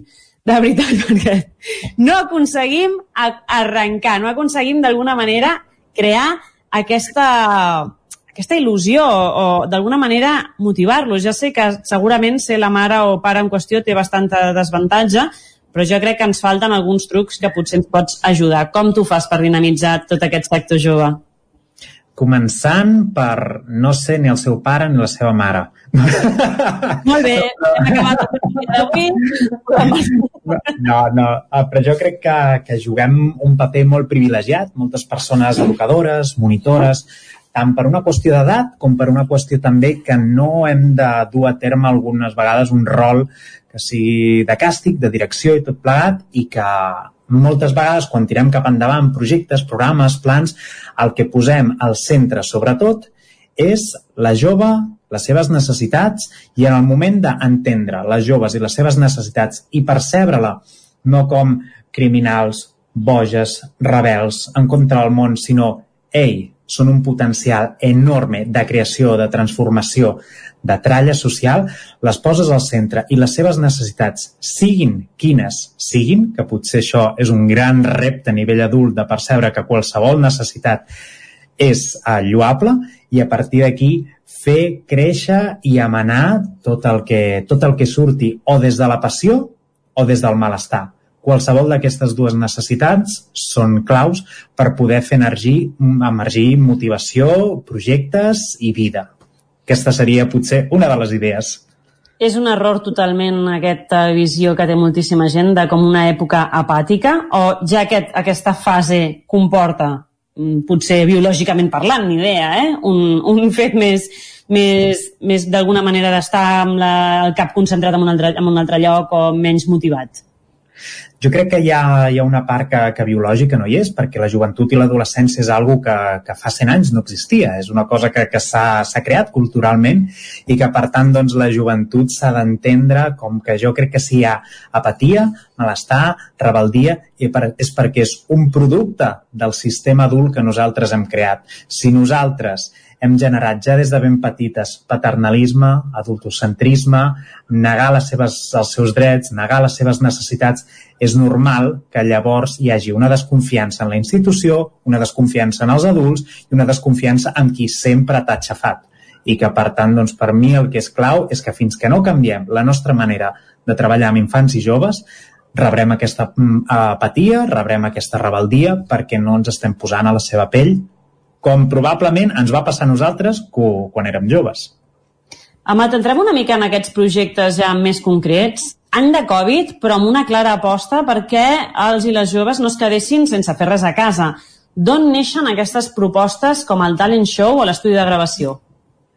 Uau, doncs uh, van sortir de, de petits grupillos, entre altres coses amb el Jan, aquí present, de trucades, videotrucades i anar enganxant una miqueta totes aquestes passions, veient des de l'Instagram veure moltíssima, moltíssim potencial i veure com actualment la música és un dels grans consums i alhora produccions i autoproduccions de, de, de do-it-yourself totalment per part de joves.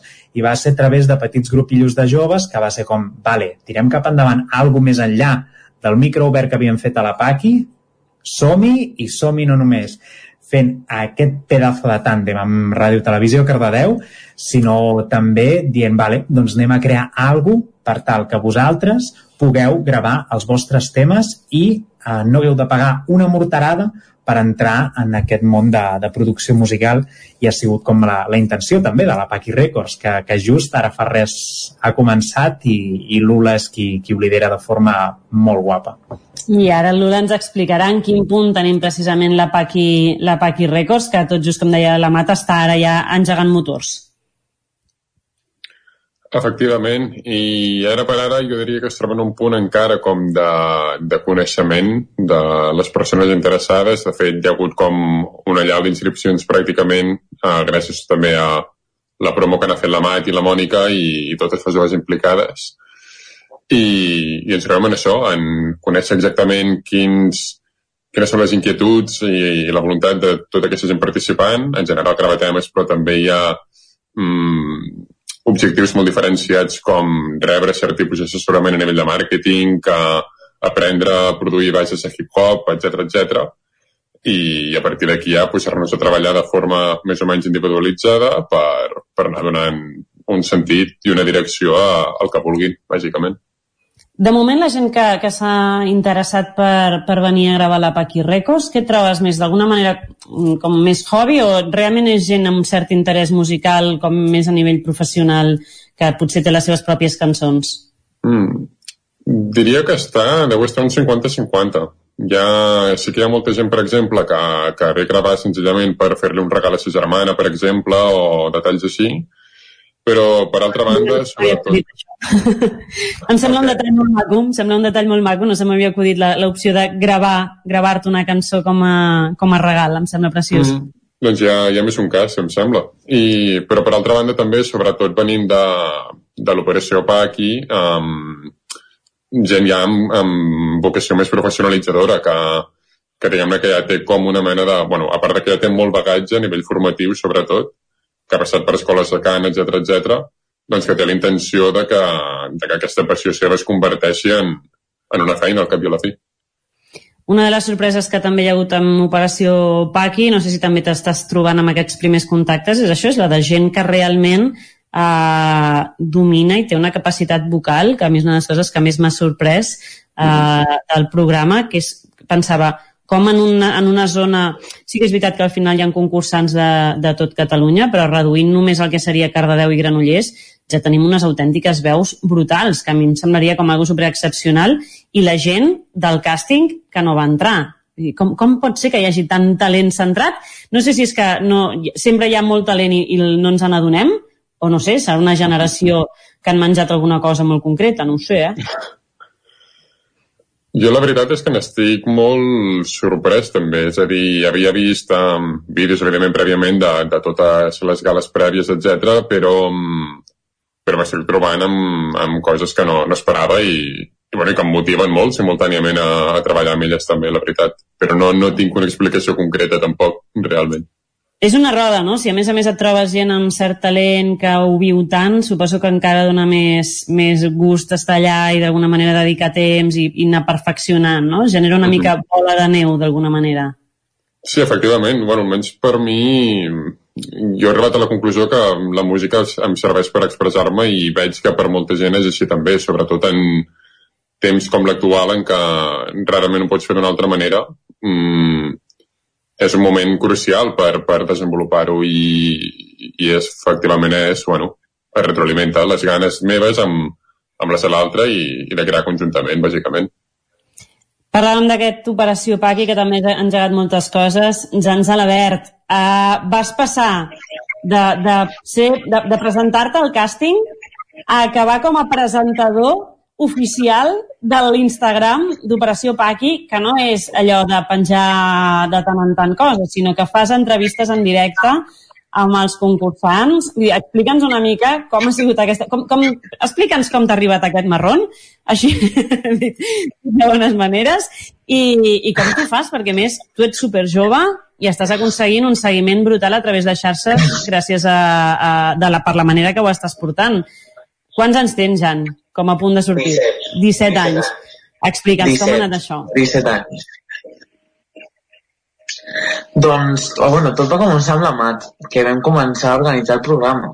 En plan, se'ns va ocórrer la idea i, i mirar on està ara. I ja, doncs jo em vaig voler presentar, però no vaig passar. Ho comptarem pels propers, mirem a veure els volia... que no et van seleccionar i els direm, ara els demanarem explicacions. Exacte. Exacte.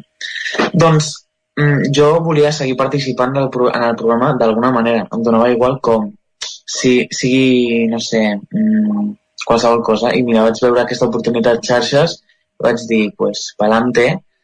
M'ho vau proposar a la tele i a la Paqui, jo, pues, pa'lante. D'alguna manera vas aplicar I aquí estoy. a través de les xarxes socials aquest tipus d'entrevista eh, que fuig bastant. És que aquí hi ha tot un discurs i tot un llenguatge totalment diferent. No sé si estàs d'acord amb mi, el que es fa servir a televisió. Però els presentadors de televisió no tenen res a veure amb el rotllo que tu dones a les xarxes, que és part de, precisament del ganxo que hi ha amb la gent més jove, no? Com descriuries aquesta, aquest rol, aquest estil que hi ha a les xarxes i que enganxa molt més a la gent jove? Doncs perquè és com... O sigui, el, el, els presentadors de la tele ho fan tot com és molt formal, és molt més gala i, i jo pues, intento, pues, pues, com es diria, dar juego, en plan, interactuar eh, i fer-ho tot més com... No sé com dir-ho, no sé com explicar-ho. Ara, ara que no ens escolten ningú... Que va, que va, que va. No jo improviso... Vas així a pelo, eh, tu? A pelo clar, només em poso els leds, em poso la musiqueta i que passi el que tenga que passar. A més a més, en aquests, per si no m'equivoco, tu feies aquests uh, directes després de cada programa de la Paqui mm. Academy, no? Veiem d'alguna manera com anava la formació dels concursants i tu, acte seguit, feies una, una entrevista a alguns dels concursants. Però, a més a més, vas instaurar de manera espontània uh, una secció de salseo. Sí, sí, sí. Vale. Com, com va anar això? Explica'ns, Jan. Doncs, eh, després del primer directe que vaig fer de la Paqui Academy, després del primer programa, eh, la, o sigui, quan, quan vam organitzar el tema de les entrevistes, jo amb en Joan no havia fet entrevista com he fet amb els altres concursants. El Joan és un concursant. Posem, en, els, els en situació. El Joan és un concursant. Llavors, Mm, va haver una de les entrevistes que va ser el primer programa que jo no la vaig fer. La va fer una altra persona. Llavors, jo vaig fer tota la resta, però a mi faltava algo. Y el Joan és una persona pues, que, que tiene mucho que contar y tiene mucho salseo. I vaig estar parlant amb ell després de la primera reunió i, i em va dir fem algo. I jo vaig dir, pa'lante. I li vaig preguntar a la jefa i al jefe i pues pa'lante. O sigui que... Em... Ara et pregunto, perquè al final l'objectiu d'aquest programa era dinamitzar i crear, que aquest és una de les complicacions també, ja ara us parlo com a mitjà de comunicació. Si com a mare tinc problemes per, per engrescar els meus fills amb les coses que a mi m'agradarien, ni us explico com a mitjà de comunicació. Arribar a l'audiència, al públic adolescent, és molt difícil, molt. I, i potser una de les sorpreses ha estat precisament que, que aquest programa, aquest, eh, que ha nascut d'aquest tàndem, sí que està arribant al, al públic jove, o almenys aquesta era la idea. Digue'ns-ho tu, Jan, ara després d'aquesta primera gala que es va estrenar el diumenge, creus que està arribant al públic adolescent? Jo sé veure les visualitzacions. Quin, quina rebuda o que, quin feedback heu tingut de moment, Jan, Amat? Us han dit cosetes? Sabeu, sabeu on està triomfant més? Doncs jo com a mínim eh, que, que increïble, que com a mínim tothom que ho està veient, que ho, està, ho ha vist des del directe, que sé que hi havia molta gent que estava esperant el directe des dels seus mòbils, des dels seus ordinadors, amb la família en complet i tot plegat, han dit que brutal i que està arribant a molt públic jove. I per mi crec que part de l'èxit d'aquest és els propis joves promocionant allò que ells volen no sortint de les xarxes de la PACI o la tele, sinó que els propis joves diuen «Ei, estic aquí, sóc al centre, això és part del que jo sóc, mira-me». I aquí, clau de l'èxit a nivell comunicatiu. És genial. És genial, els concursants, això. alguns d'ells formen, són joves habituals de, de la Paqui Academy o això sí que amb el càsting hi havia... Ai, de la Paqui Academy són joves del casal de, de joves o això va ser més el càsting i a l'hora de veritat els seleccionats potser no són tan habituals? No sé, eh? Com a casal de joves, la veritat és que, clar, com que estem no tenim ni un any de, de, de, de, de la PAC en si, com a casal de joves, hi ha hagut una fluidesa molt diversa. I hi ha hagut gent que sí que ha estat més present en varis projectes, però hi ha persones que s'han enganxat aquí.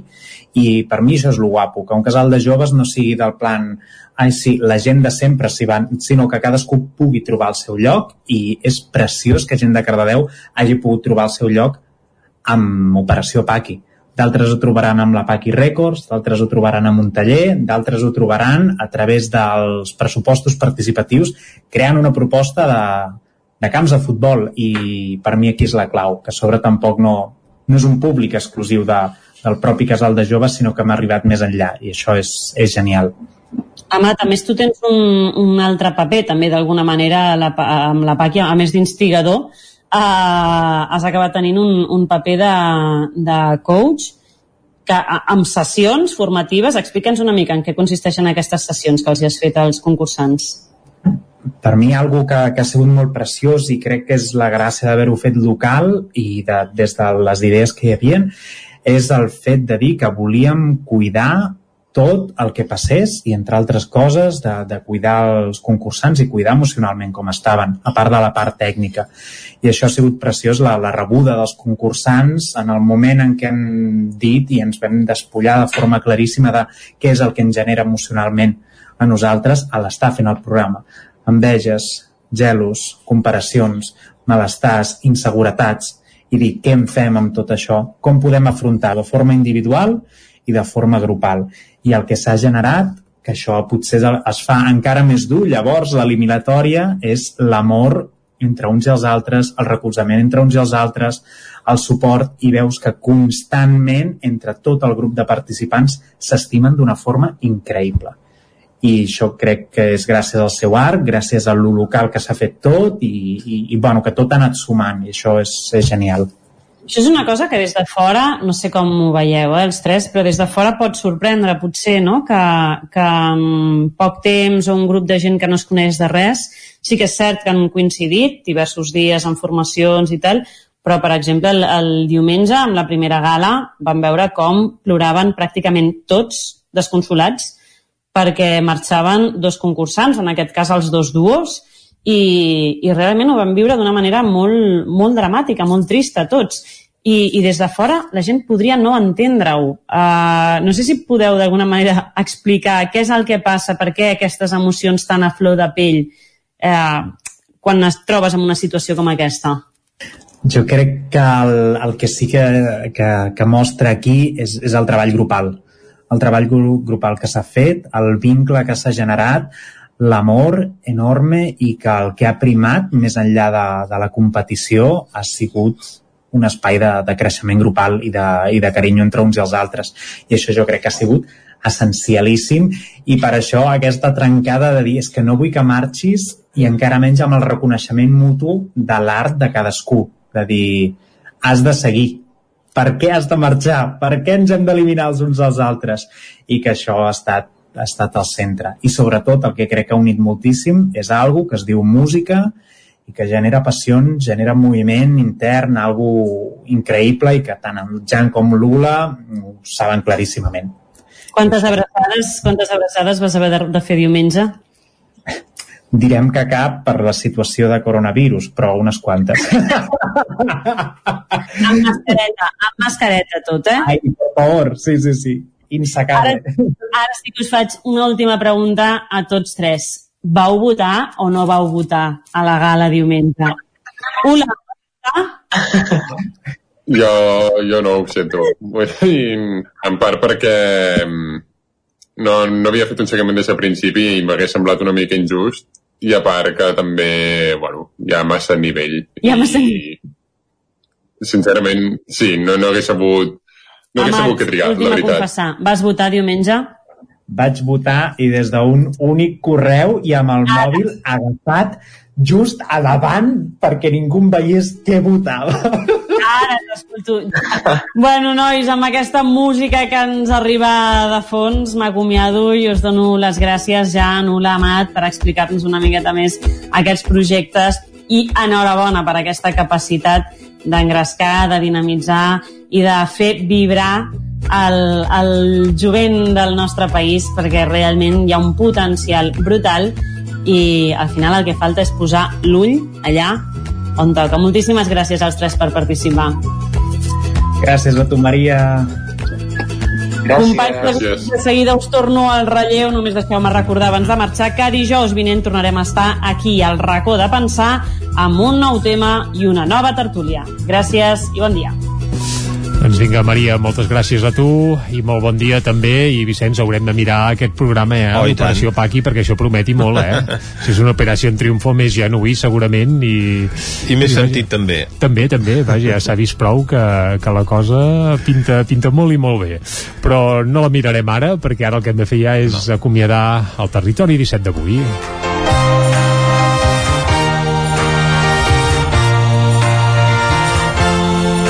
Un territori 17 que hem fet Clàudia Dinarès, Isaac Muntades, Caral Campàs, David Auladell, Pepa Costa, Isaac Moreno, Guillem Rico, Miquel R, Núria Lázaro, Cristina Enfruns, Maria López, Jordi Sunyer i Vicenç Vigues. Nosaltres tornarem demà, com sempre, des de les 9 del matí i serem fins a les 12 del migdia. Adeu. Que vagi molt bé.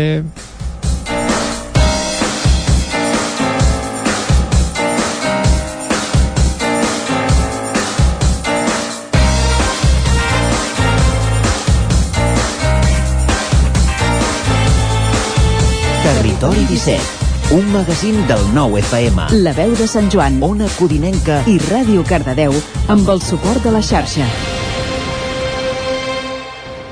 El nou FM.